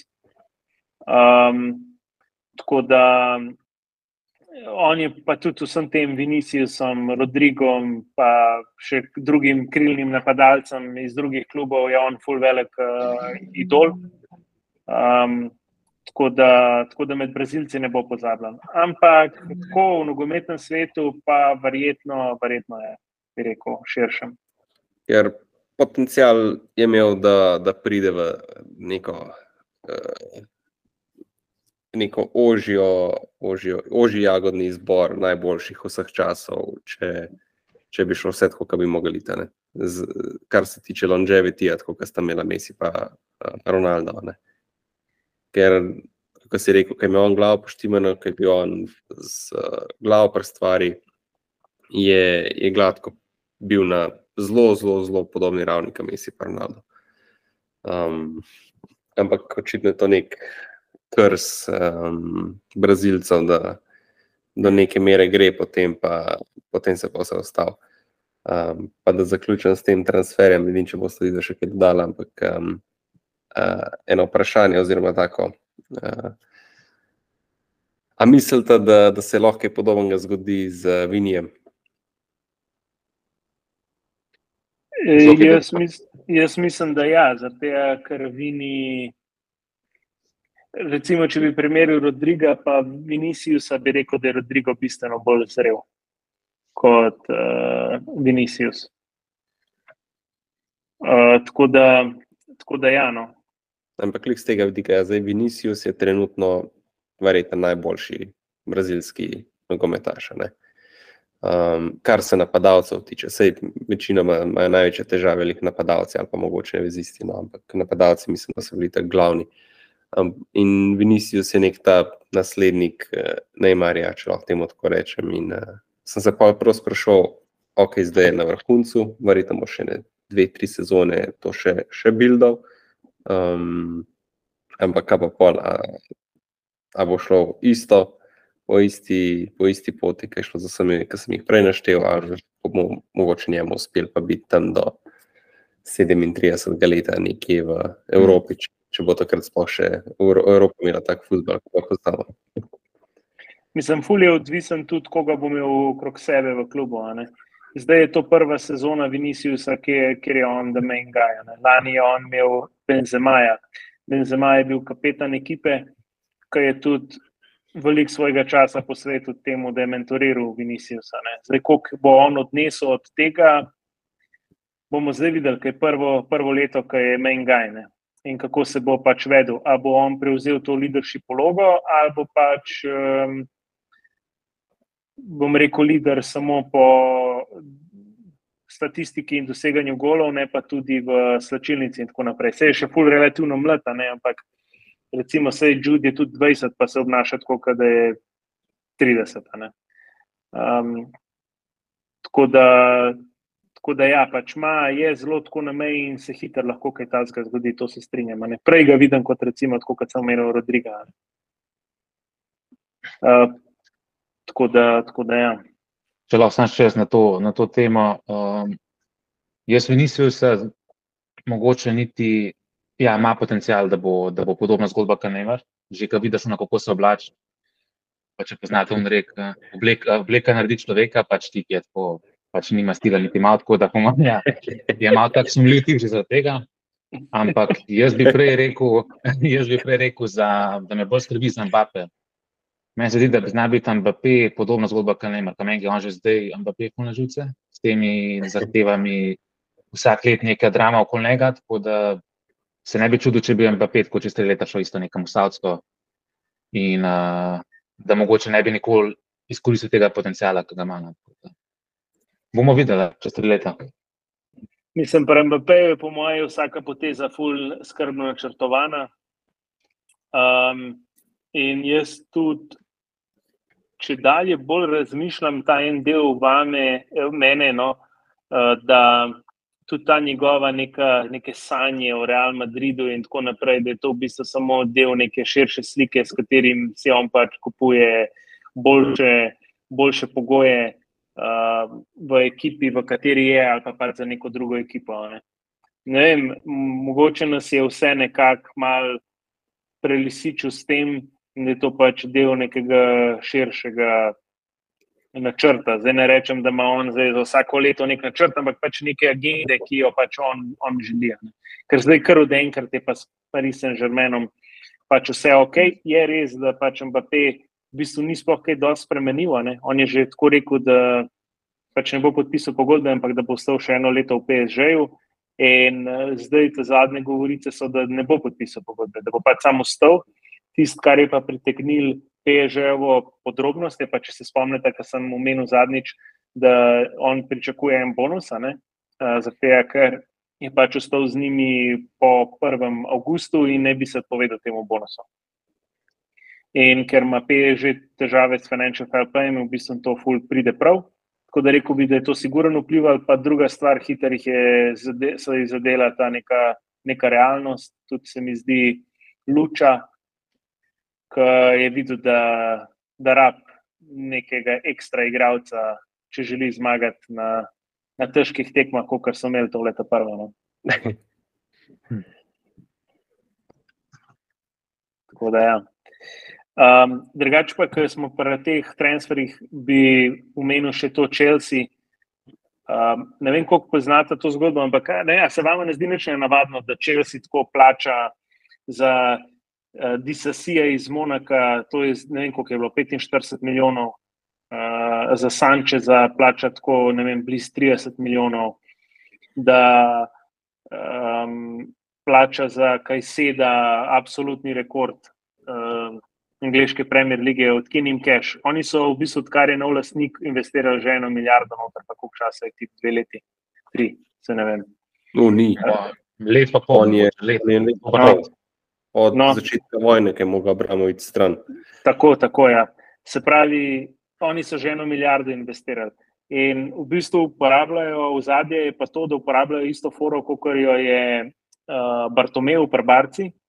Namreč um, to, to je zdaj čisto ekonomska fora. Ne? Ti lahko, uh, se vemo, da je nekaj podjetij kupuje recimo neke osnovna sredstva, se ta osnovna sredstva amortizirajo. Ne vem, ti kupaš nek stroj, ne, in a pa računalnik kupaš in računalnik se amortizira vem, dve, tri, štiri, pet let, odvisen, koliko časa ga meniš, za računalnik je običajno dve leti. In ti v bistvu nakupna vrednost, naprimer, tisoč evrov, v bistvu ti razdeliš v dve leti, ne, kar bi pomenilo vsako leto Jurija. No, in um, to se tudi v futbalu počne.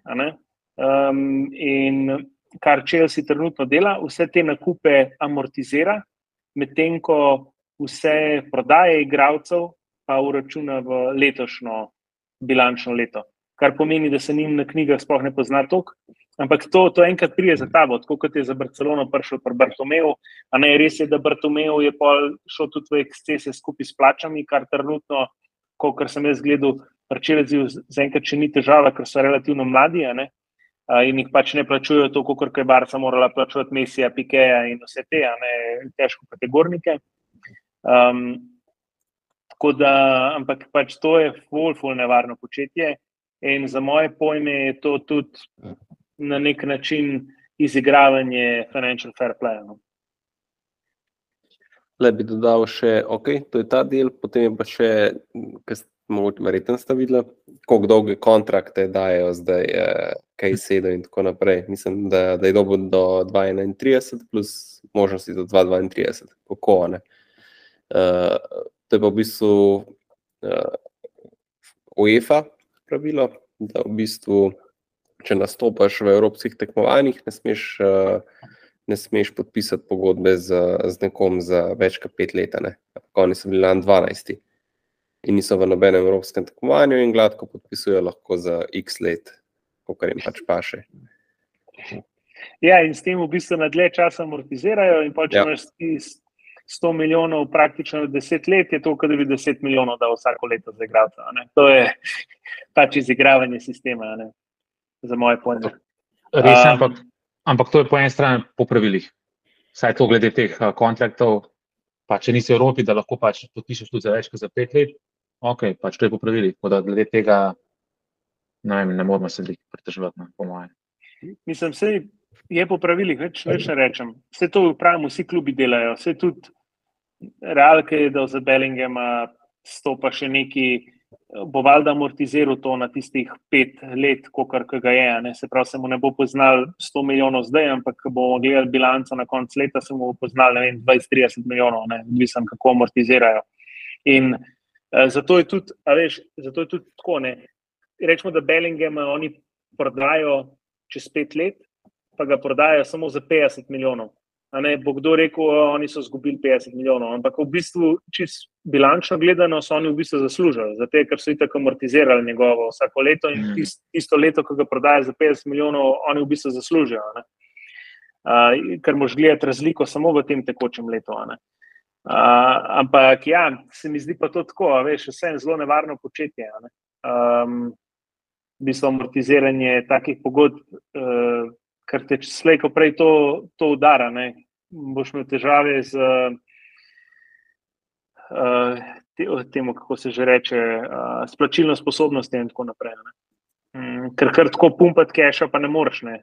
ker to pa je že v nasprotju um, s financial fair playem od um, Premier lige. Ne? Ti ne more, ne more kar prijeti lasnik, pa noter dati milijarde.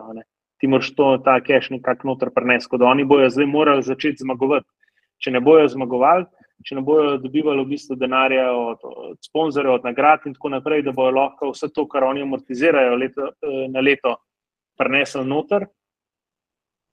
Pol pač so v minusu, bojo morali začeti prodajati in takrat bojo začeli prodajati pod ceno. Ne. Neš pa se tako kot Dembele, ki je šel v barci za 50 milijonov. Ne. Pač pa ne moš reči ne takim stvarem. Pa je Dembele verjetno vsem v današnjem marketu več vreden, ne kot 50 milijonov. Tako da to je problem, ki se ti zgodi. Um, Hojlund si rekel, da bi rad komentiral. Ne, ne, ta nisi rekel. Ja, ja to so hotel tako. Ni ne to, glede njegovih kvalitet, ampak bolj me to zanima, da ti pa tako za 30 golov karieri do zdaj. Jaz sem tako res mislil, je tako, ne, full next sales, kaj vem, da je tudi Atlanta, ki ga je kupila lani, je dala za njega, sem se mogoče zmotil, ampak tam se 20-25 milijonov, pa je to tako tip eno sezono predtem tako 15 golov. Zdaj do lan, lanske sezone do 9 golov serija in se, so ga kar prodali za 85 milijonov. Pač ne vem, ti je tako full fenomen glede tega, da je to tako malo golov kot napadalec, pa ima že take neke, tak velik.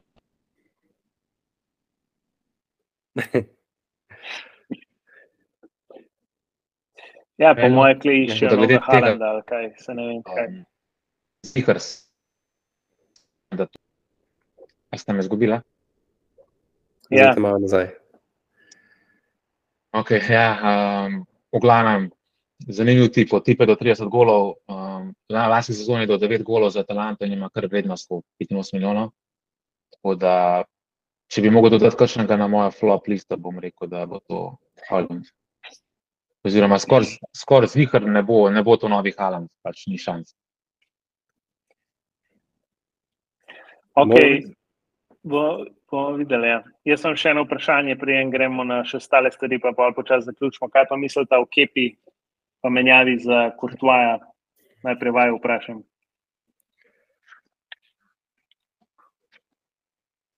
I don't know, jaz, bi, jaz mislim, da dejansko ta Lunin sploh ni slab Gorman. Ko ne bo meni všeč, že preden je prišel Real, mislim, da je Šatar prišel. Tako da jaz bi iskreno dal še vedno prednost Luninu. Pač Lunin vse je nekaj za prihodnost, je bil ok po, kot backup. Zdaj ne vem, kaj ti misliš, Zoki, ampak Jaz Ja. mislim, da No. Kepa ne bo backup. mislim, da ni prišel za to.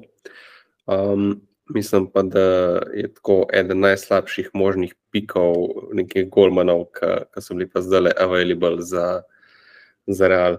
Uh, mislim, da bi, da bi bil veliko boljši in DGA in Bono. Um, hmm, Sto Bono. posto. Um, pa mislim, da sem še koga pozabil. Tudi Sarma je še frej. um, ampak uh, zanimivo, da, da ni šel, da ni šel Real pa Bono. Jaz sem bil zihar, da, da je to že skoraj dan del. Pred, preden smo se dobili, uh, sem prebral, da je pa zdaj dan del z Al-Hilalom za ne vem, 18-19 milijonov. Tako da to, to, me, to me je kar presenetilo. Um, Mislim pa, da, da nima on kvalitete uh, Golmana za, za tako visoko raven, kot je Real rab. Uh, premajhan je. Um, sem se pogovarjal tudi s kolegom, ki je spremljal Chelsea, ki navija za Chelsea, uh, ve, kakšen Golman je. Pa je rekel, da ok, v kazenskem še nekako uh, v redu, ampak težava so pa streli z razdalje, da to pa, kar je, kar je pa zdaj pa gre vse not. Tako da, povej, zoki, zdaj pa, kakšne tvoje videnje. Um, zdaj, jaz bi tako rekel, v bistvu bazen Golmanov, ki bi prišli in vejo, da pridejo samo za eno sezono in da bojo naslednji sezoni siguren sedeli na klopi, je full majhen. Tako da Real tukaj ni operiral s full nekim velikim bazenom. Ne. To, to, to je mogoče prva stvar, ki je za podarek. Um, druga stvar je, da je si Real vsem želi Golmana, ki zna igrati skupaj z ekipo, se pravi, ki ni, ki ni ta, ki sam stoji v golu. Mogoče ne do, do te mere, kot pričakuje to City, kot pričakuje to vem, Čavi, kot Ten Hag pričakuje in tako naprej, ampak vsem. To se ful vidi, recimo, po Kortuaju. Kortuaju, kar je manjkalo, preden je prišel Real, je bila raven igra z nogo in to je nekaj, ker je on tako ful napredoval. Če gledamo statistiko Kortuaja v procentih uh, uspešnih podaj, um, pa govorimo in, um, in dolge, in kratke, in srednje dolge, ne, je bil bistveno niže, preden je prišel v Real. Vedno je bil dober v podajah z roko, se pravi, da je oddaleč, da je vrgel, a ne recimo na kak bok, kjer je bil kak eh, krilni napadalec v proti napadu, v tem je bil vedno dober, Kortua je bil pa slab v igri eh, z nogo. Um, in Bonu, oziroma Bono, je tukaj morda še najbolj sedel Realu, ni pa hotel Real plačati. Uh, pač govorice so bile tisti trenutek, da je 20 milijonov Sevilja zahtevala, verjetno bi se tukaj dal še pogajati, ampak Real ni hotel pač plačati toliko za Golmana, ki bo pač igral eno leto. S tem, da Bono je treba še to podariti, igra za Maroko, letos je African Nations in Real bi bil en mesec brez Golmana. Um, kar se tiče Kepa, Lunin, klej sploh ni kompetična, Kepa bo začel prvo. Tako da to, ja, pač lahko, lahko si vi misliš, pač kar koli, oziroma si ti misliš, ampak klej sploh ni, po moje, kompetična. Luninu, Ančeloti ne zaupa, tudi kljub je v bistvu na nek način razočaran nad njegovim, njegovim razvojem. Uh, pa ja, tudi, mislim, ko je. Ko je igral, ko je igral Lunin v prejšnjih sezonah, je bil tako zelo šejki. Uh, moram pa reči, da zdaj na prvi tekmi je bil pa uh, zelo dober, ampak tudi ni bil pretirano challengeran, ker je real, kot sem rekel, obvladoval sploh prvi polčas. No, drugi polčas so mal padali, se je videl, da pač uh, so še malo težke noge, pa tako, ampak uh, ni, ni imel parega čaža. Bi pa, kar se tiče kepe, to povedal, kepa je zelo pač min. Jaz, ko sem prvič, ko slišal, da se DGO najprej povezuje, sem rekel, o, ta rupa, katastrofa.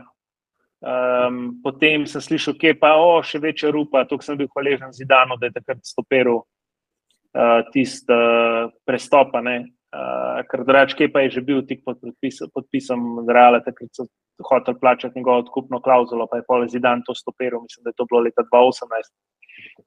V glavnem.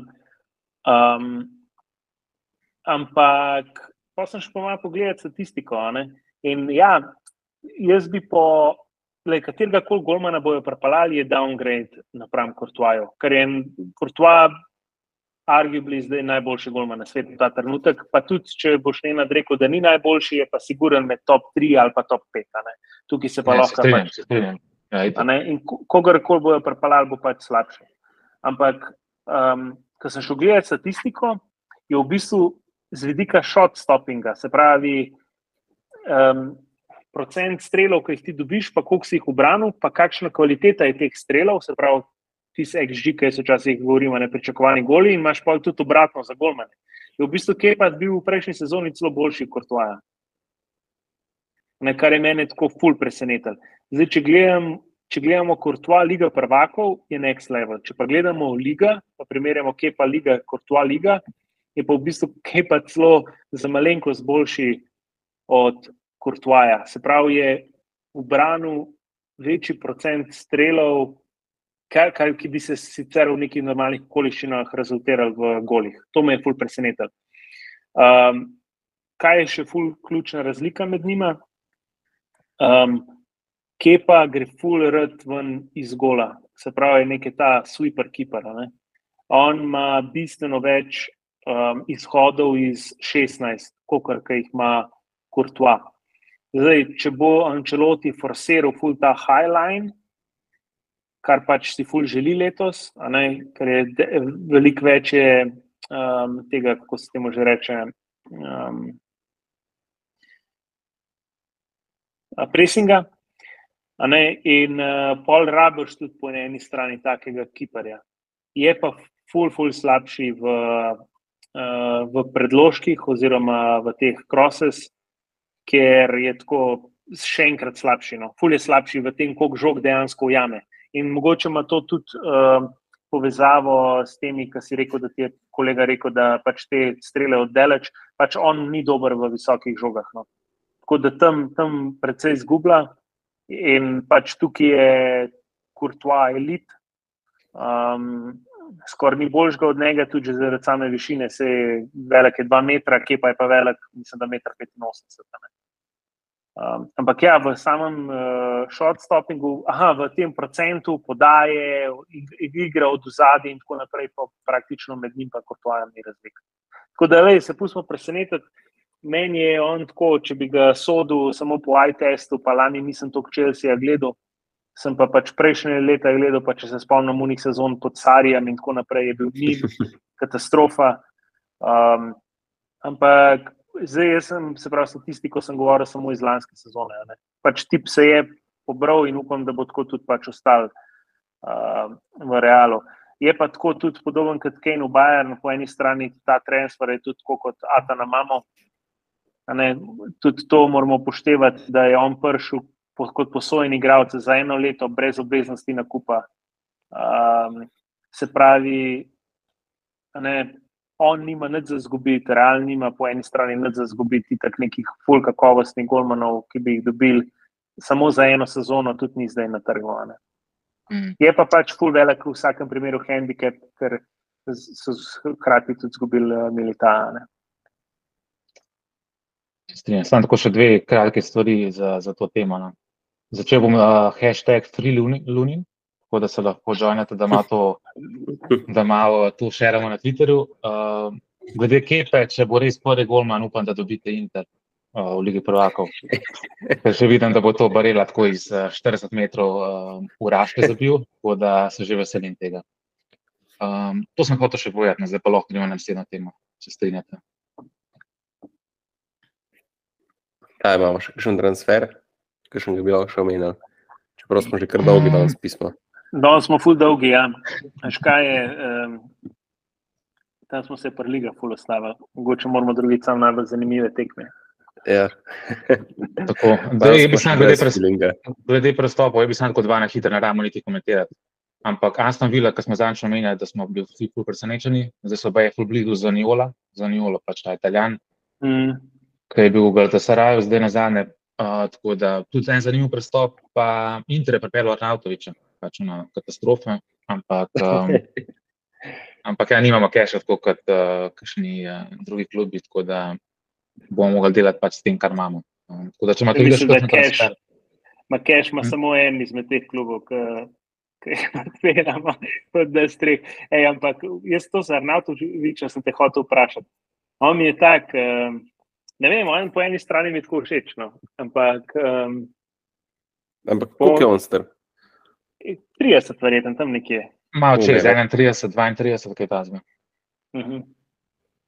Elej, to je tako nek uh, short-term solution, um, ki nas je lokako kar dost um, zjebo letos, tako da smo mogli nekaj nasilno najti. Bomo videli, jaz mislim, da le, neko kvaliteto ima, uh, ima neke karakteristike. Ste, ste pripeljali Tirama. Ja, sem ta turam, vse tako potem precizno. Vse to sem dejansko imel občutek že prej. Dejansko je ful dober, ima dober dotik, za razliko od Lukaku, se pravi, zna tako razigravati, ampak je ful pred golom, kada pač no, nima, nima tistega killer instinkta, veš. Tako da ne pričakujem neki ful velik gol od Turama. Tako da bo, po mojem, kar zanimiva sezona, no, tudi kar tiče Intera, pa uh, golo in teh stvari. Mislim, intro tudi gol skoraj, po mojem, manjka, zato ker Lisandro to ni, pa to Ram tudi ni. Ker ona dva sta igralca, ki bo ta prispevala v smislu, bo sta dala neki golov, bo sta imela tudi dosti asistenc, ampak ne bo sta pa zabijala vsak teden. In Tako zdaj je. lahko pa, da bo sta filala Arnautoviča. Ne? Čeprav ne vem, bo Arnautovič prvo začenjal. Po mojem bo klubca, po mojem bo prva, bo ta Turan pa Lotaro. Ampak uh, lahko imamo da meni inside, ki ga verjetno uh, drugi eno to slišali, ampak pretezi. Fratezi, zapomnite si to ime, Davide Fratezi, ta tip, ki si ti rekel, da ima Bellingham dobre, pač, uh, da se dobro vključuje iz drugega plana. Fratezi je next level. Fantezi, jaz pričakujem, da bodo med 5 in 10 golov zika letos. Da... Hey, ampak še, še glede intra, to sem te hotel vprašati. Um, kaj pa je z Lazarjem? A to Inter nima keša, ali to jim vsi neki speljajo, ali kaj se to dogaja? Zdaj, odvisen, koga poslušam. Jaz sem poslušal kar dosti teh nekih reporterjev, insiderjev, vsak ima neko svojo zgodbo. Neka pa generalna zgodba je ta, da je kao Inter se vse zmenil, da so bili pač pet podpisan pogodbe, naredili so že ta pač medical check in vse to, ampak je potem Lazar oziroma njegov agent hotel večjo provizijo, tako, fotor tu ja. zraven. Je pa druga zgodba, ki je meni mogoče celo malo bolj uh, realna. Je pa ta, da prvo kot prvo Lazar je ful, on ima že iz preteklosti tako malo je tak sumljiv tip. No. On je dejansko začel v Herti in je šel iz Herte v Leipzig, kot tudi na tak nek uh, čuden način, malo so se kregali. Iz Leipziga je šel kar, ki je dejansko neka dobra sredina za razvijanje igralcev, šel kar v Indonezije. Iz Indonezije, zdaj pa eno leto gre hoče kar v Inter in kar tako neki zahteva neke večje bonuse, večje plače itd. Tako da glavno če dam tak nek uh, summary vsega tega, pač jaz mislim, da ne bo prišel. Uh, mi ga je pa šel, ker jaz mislim, da je femlan talent, ima res nerealno levico. Bi z jih intervjulo pomagal, ampak um, ne vem, uh, ne deluje mi, deluje mi tak problematičen tip, da bi, tudi če bi prišel inter, ga ne vidim, da bi bil več kot dve, tri sezone, max. Mislim, da bi po eni dobri sezoni zahteval ali višjo plačo ali pa prestop, tako da po eni strani mogoče tudi bolj, da pride. Drugač, drugač, jaz bi čisto tvaril. V bistvu te dve zgodbi nista izključujoči. Jaz bi tudi čisto verjel, da ima fotor kaj prste vmes, ker te balkanski fotori poznam kar nekaj zgodb tudi iz prve roke. Pa ne samo iz futbola, tudi nekaj iz basketa, pa mogoče od drugih priložnosti mal, vam malo več povem. Ampak jaz se tukaj ne bi, ne bi odpisal tega, no, da, da, je- da, da je bil fotor kaj umešan. Čisto možno. Ampak ja, moramo še malo počakati, da bo, da bo to postalo jasno, kaj je bilo. Ok, smo imeli še kaj za omeniti. Po mojem, Ja, jaz, sem, prestopov. imel- jaz, jaz sem imel načeloma še kaj seda, pa cel Brighton, ampak uh, mogoče to odpustimo za naslednjič uh, celotno Brightonovo poslovanje, ki se mi zdi uh, top. Uh, prestopno kačo sezone, pa tudi mogoče uh, škoda zgubljati besed. Uh, Bomo, ko bo konc, ko bo se bo več, več Tako. eh, vedel. Dober. Uh, spet smo reči predolgi. Uh, moramo se poboljšati. Pa mislim, da, da, da nam tole gre res slabo. Če smo zadnjič rekli, da se bomo naslednjič krajši, smo daljši. Pa smo imeli dve, pa smo imeli dve temi danes. Tako da. Nič, Se bomo eh, da nas- dotaknili samo najbolj zanimivih tekem naslednjič. Ja. Um, da naslednjič obljubimo, da se poboljšamo. Uh, Tudi, tudi povezavo bomo poboljšali, tako da ne bo teh uh, gličev. prihodnič mislim, da bomo še uživali, če se ne motim.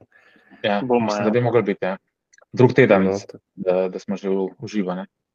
Tako. Tako je. Um, a sta mogoče za en start bench, ki sem jih pripravljal danes, pa da ne gre to zdaj. Uh, pa ne rabite nekaj- ne rabite nekaj preveč vlagati, samo povejte vrstni red.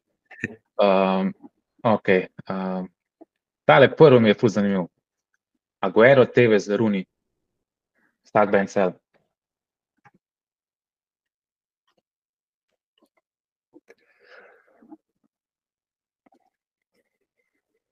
Lahko jaz začnem.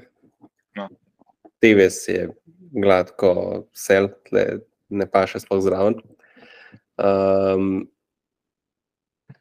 mi je Aguero tako eden res ljubih igralcev, pa res ekstra klasa od napadalca, ampak uh, z vidika pismo, koliko je Runi doprinesel Realu, ne Realu, Unitedu, um, pismo, da, da bi mislim, da začel z Runijem, pa bi benčal Aguera. Okay, Zokli. Um, jaz pa mislim, da bi kar Aguera dal v prvo postavo. E, sploh Aguero, Cityjev Aguero je. A to je kaj zdaj pika, to vse. Vse Recimo, da Pač pik, ja. recimo pik. Ja, mislim, da Aguero, Aguero tukaj zmaga. No. Z moje Hmm. pojme, tako da jaz bi Aguera dal v prvo postavo, Runi, Klopca, pa Tevez, tudi po moje, glih ne paše. Pač Tevez je bil kao nek talent, pa to eh, veliko se o njemu govorilo, ampak napram tem dvema poprečen igralca. Tukaj se ne strinjam, mislim, da oba dva nista gledala TV za dost. TV je bil, TV je bil strah in trepet. On, on pa je delal v Cityju, ok, v Unitedu je bil dosta klopca, ampak v Cityju je bil vrhunski, v Juve to je bil zver. Jaz bi to tako prvega Runi, Runi je bil, se mi zdi, od teh treh naj, najboljši nek pik.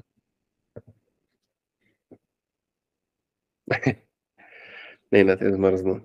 Runi, Runi je bil, Runi je bil bolj uh, versatile, če lahko temu rečem. Uh, bolj je bil, bolj je bil TV, pomemben, po mojem, za ekipo, kot pa, kot pa Aguero. No. Pa, Ja, ne vem, Aguero je lastnoročno rešil, uh, oziroma je City v kapelu prvenstvo. Vse je, vse ne rečem, ampak um, res mehna razlika, ampak eh, po mojem bi se nagnil v. v Tako bi tudi korist. rekel, en, ja, razumem, ampak tudi recimo za me, tako, kater, če bi enega igralca rekel, da je City pripeljal med elitne klube, kdo je bil za to zaslužen, pa so imeli oni full velik zvest, bi rekel, da je to Aguero. Pismo, ja, Aguero, pa jaja, torej. Ok, ja. Ampak, veš, a bi si. Jaja, torej, a ne, da mi trije, eh, mogoče, ko malo bolj eh, podrobneje spremljamo, zdaj mogoče nek bežen eh, gledalec. Se vem, da si tudi napadalce bolj zapomnimo, ne, ampak bi se moje prej spomnil Kuna, kot pa Tureja. No. To pa je, to pa je.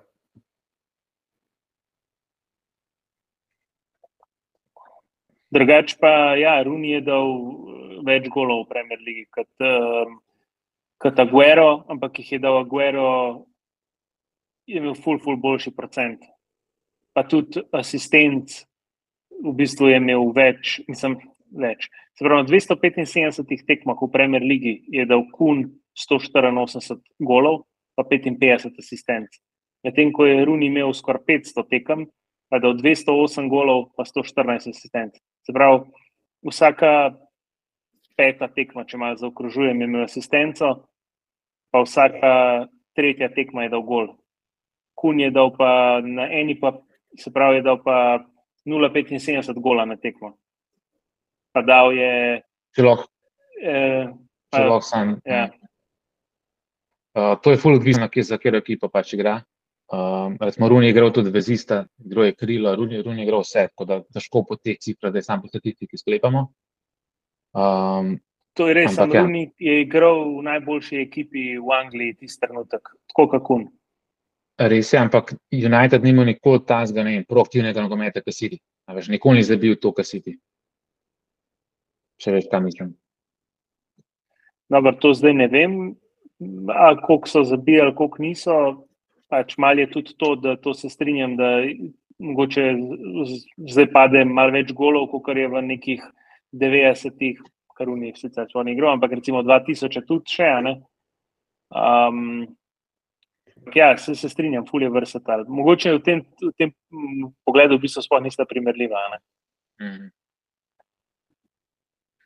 Cool. Okej. Um, Meni, men, da ta povezava spet šteka, tako da mislim, da je to znak, da, da lahko čas zaključimo. No? Da se pol. Um, Slišimo drug teden spet, ne? Drug teden. Ja. Tako. Ja, kul, cool. prav. Pa je pa to, to za danes, za ta teden. Uh, kako si že zanč uh, Zoki lepo pozval uh, naše poslušalce. Napišite v komentar uh, vaše, vaše mnenje o transferih, ki smo jih omenili, mogoče transfere, ki jih nismo omenili. Um, kaj si mislite o začetku sezone in pa bodite do prihodnjič vse.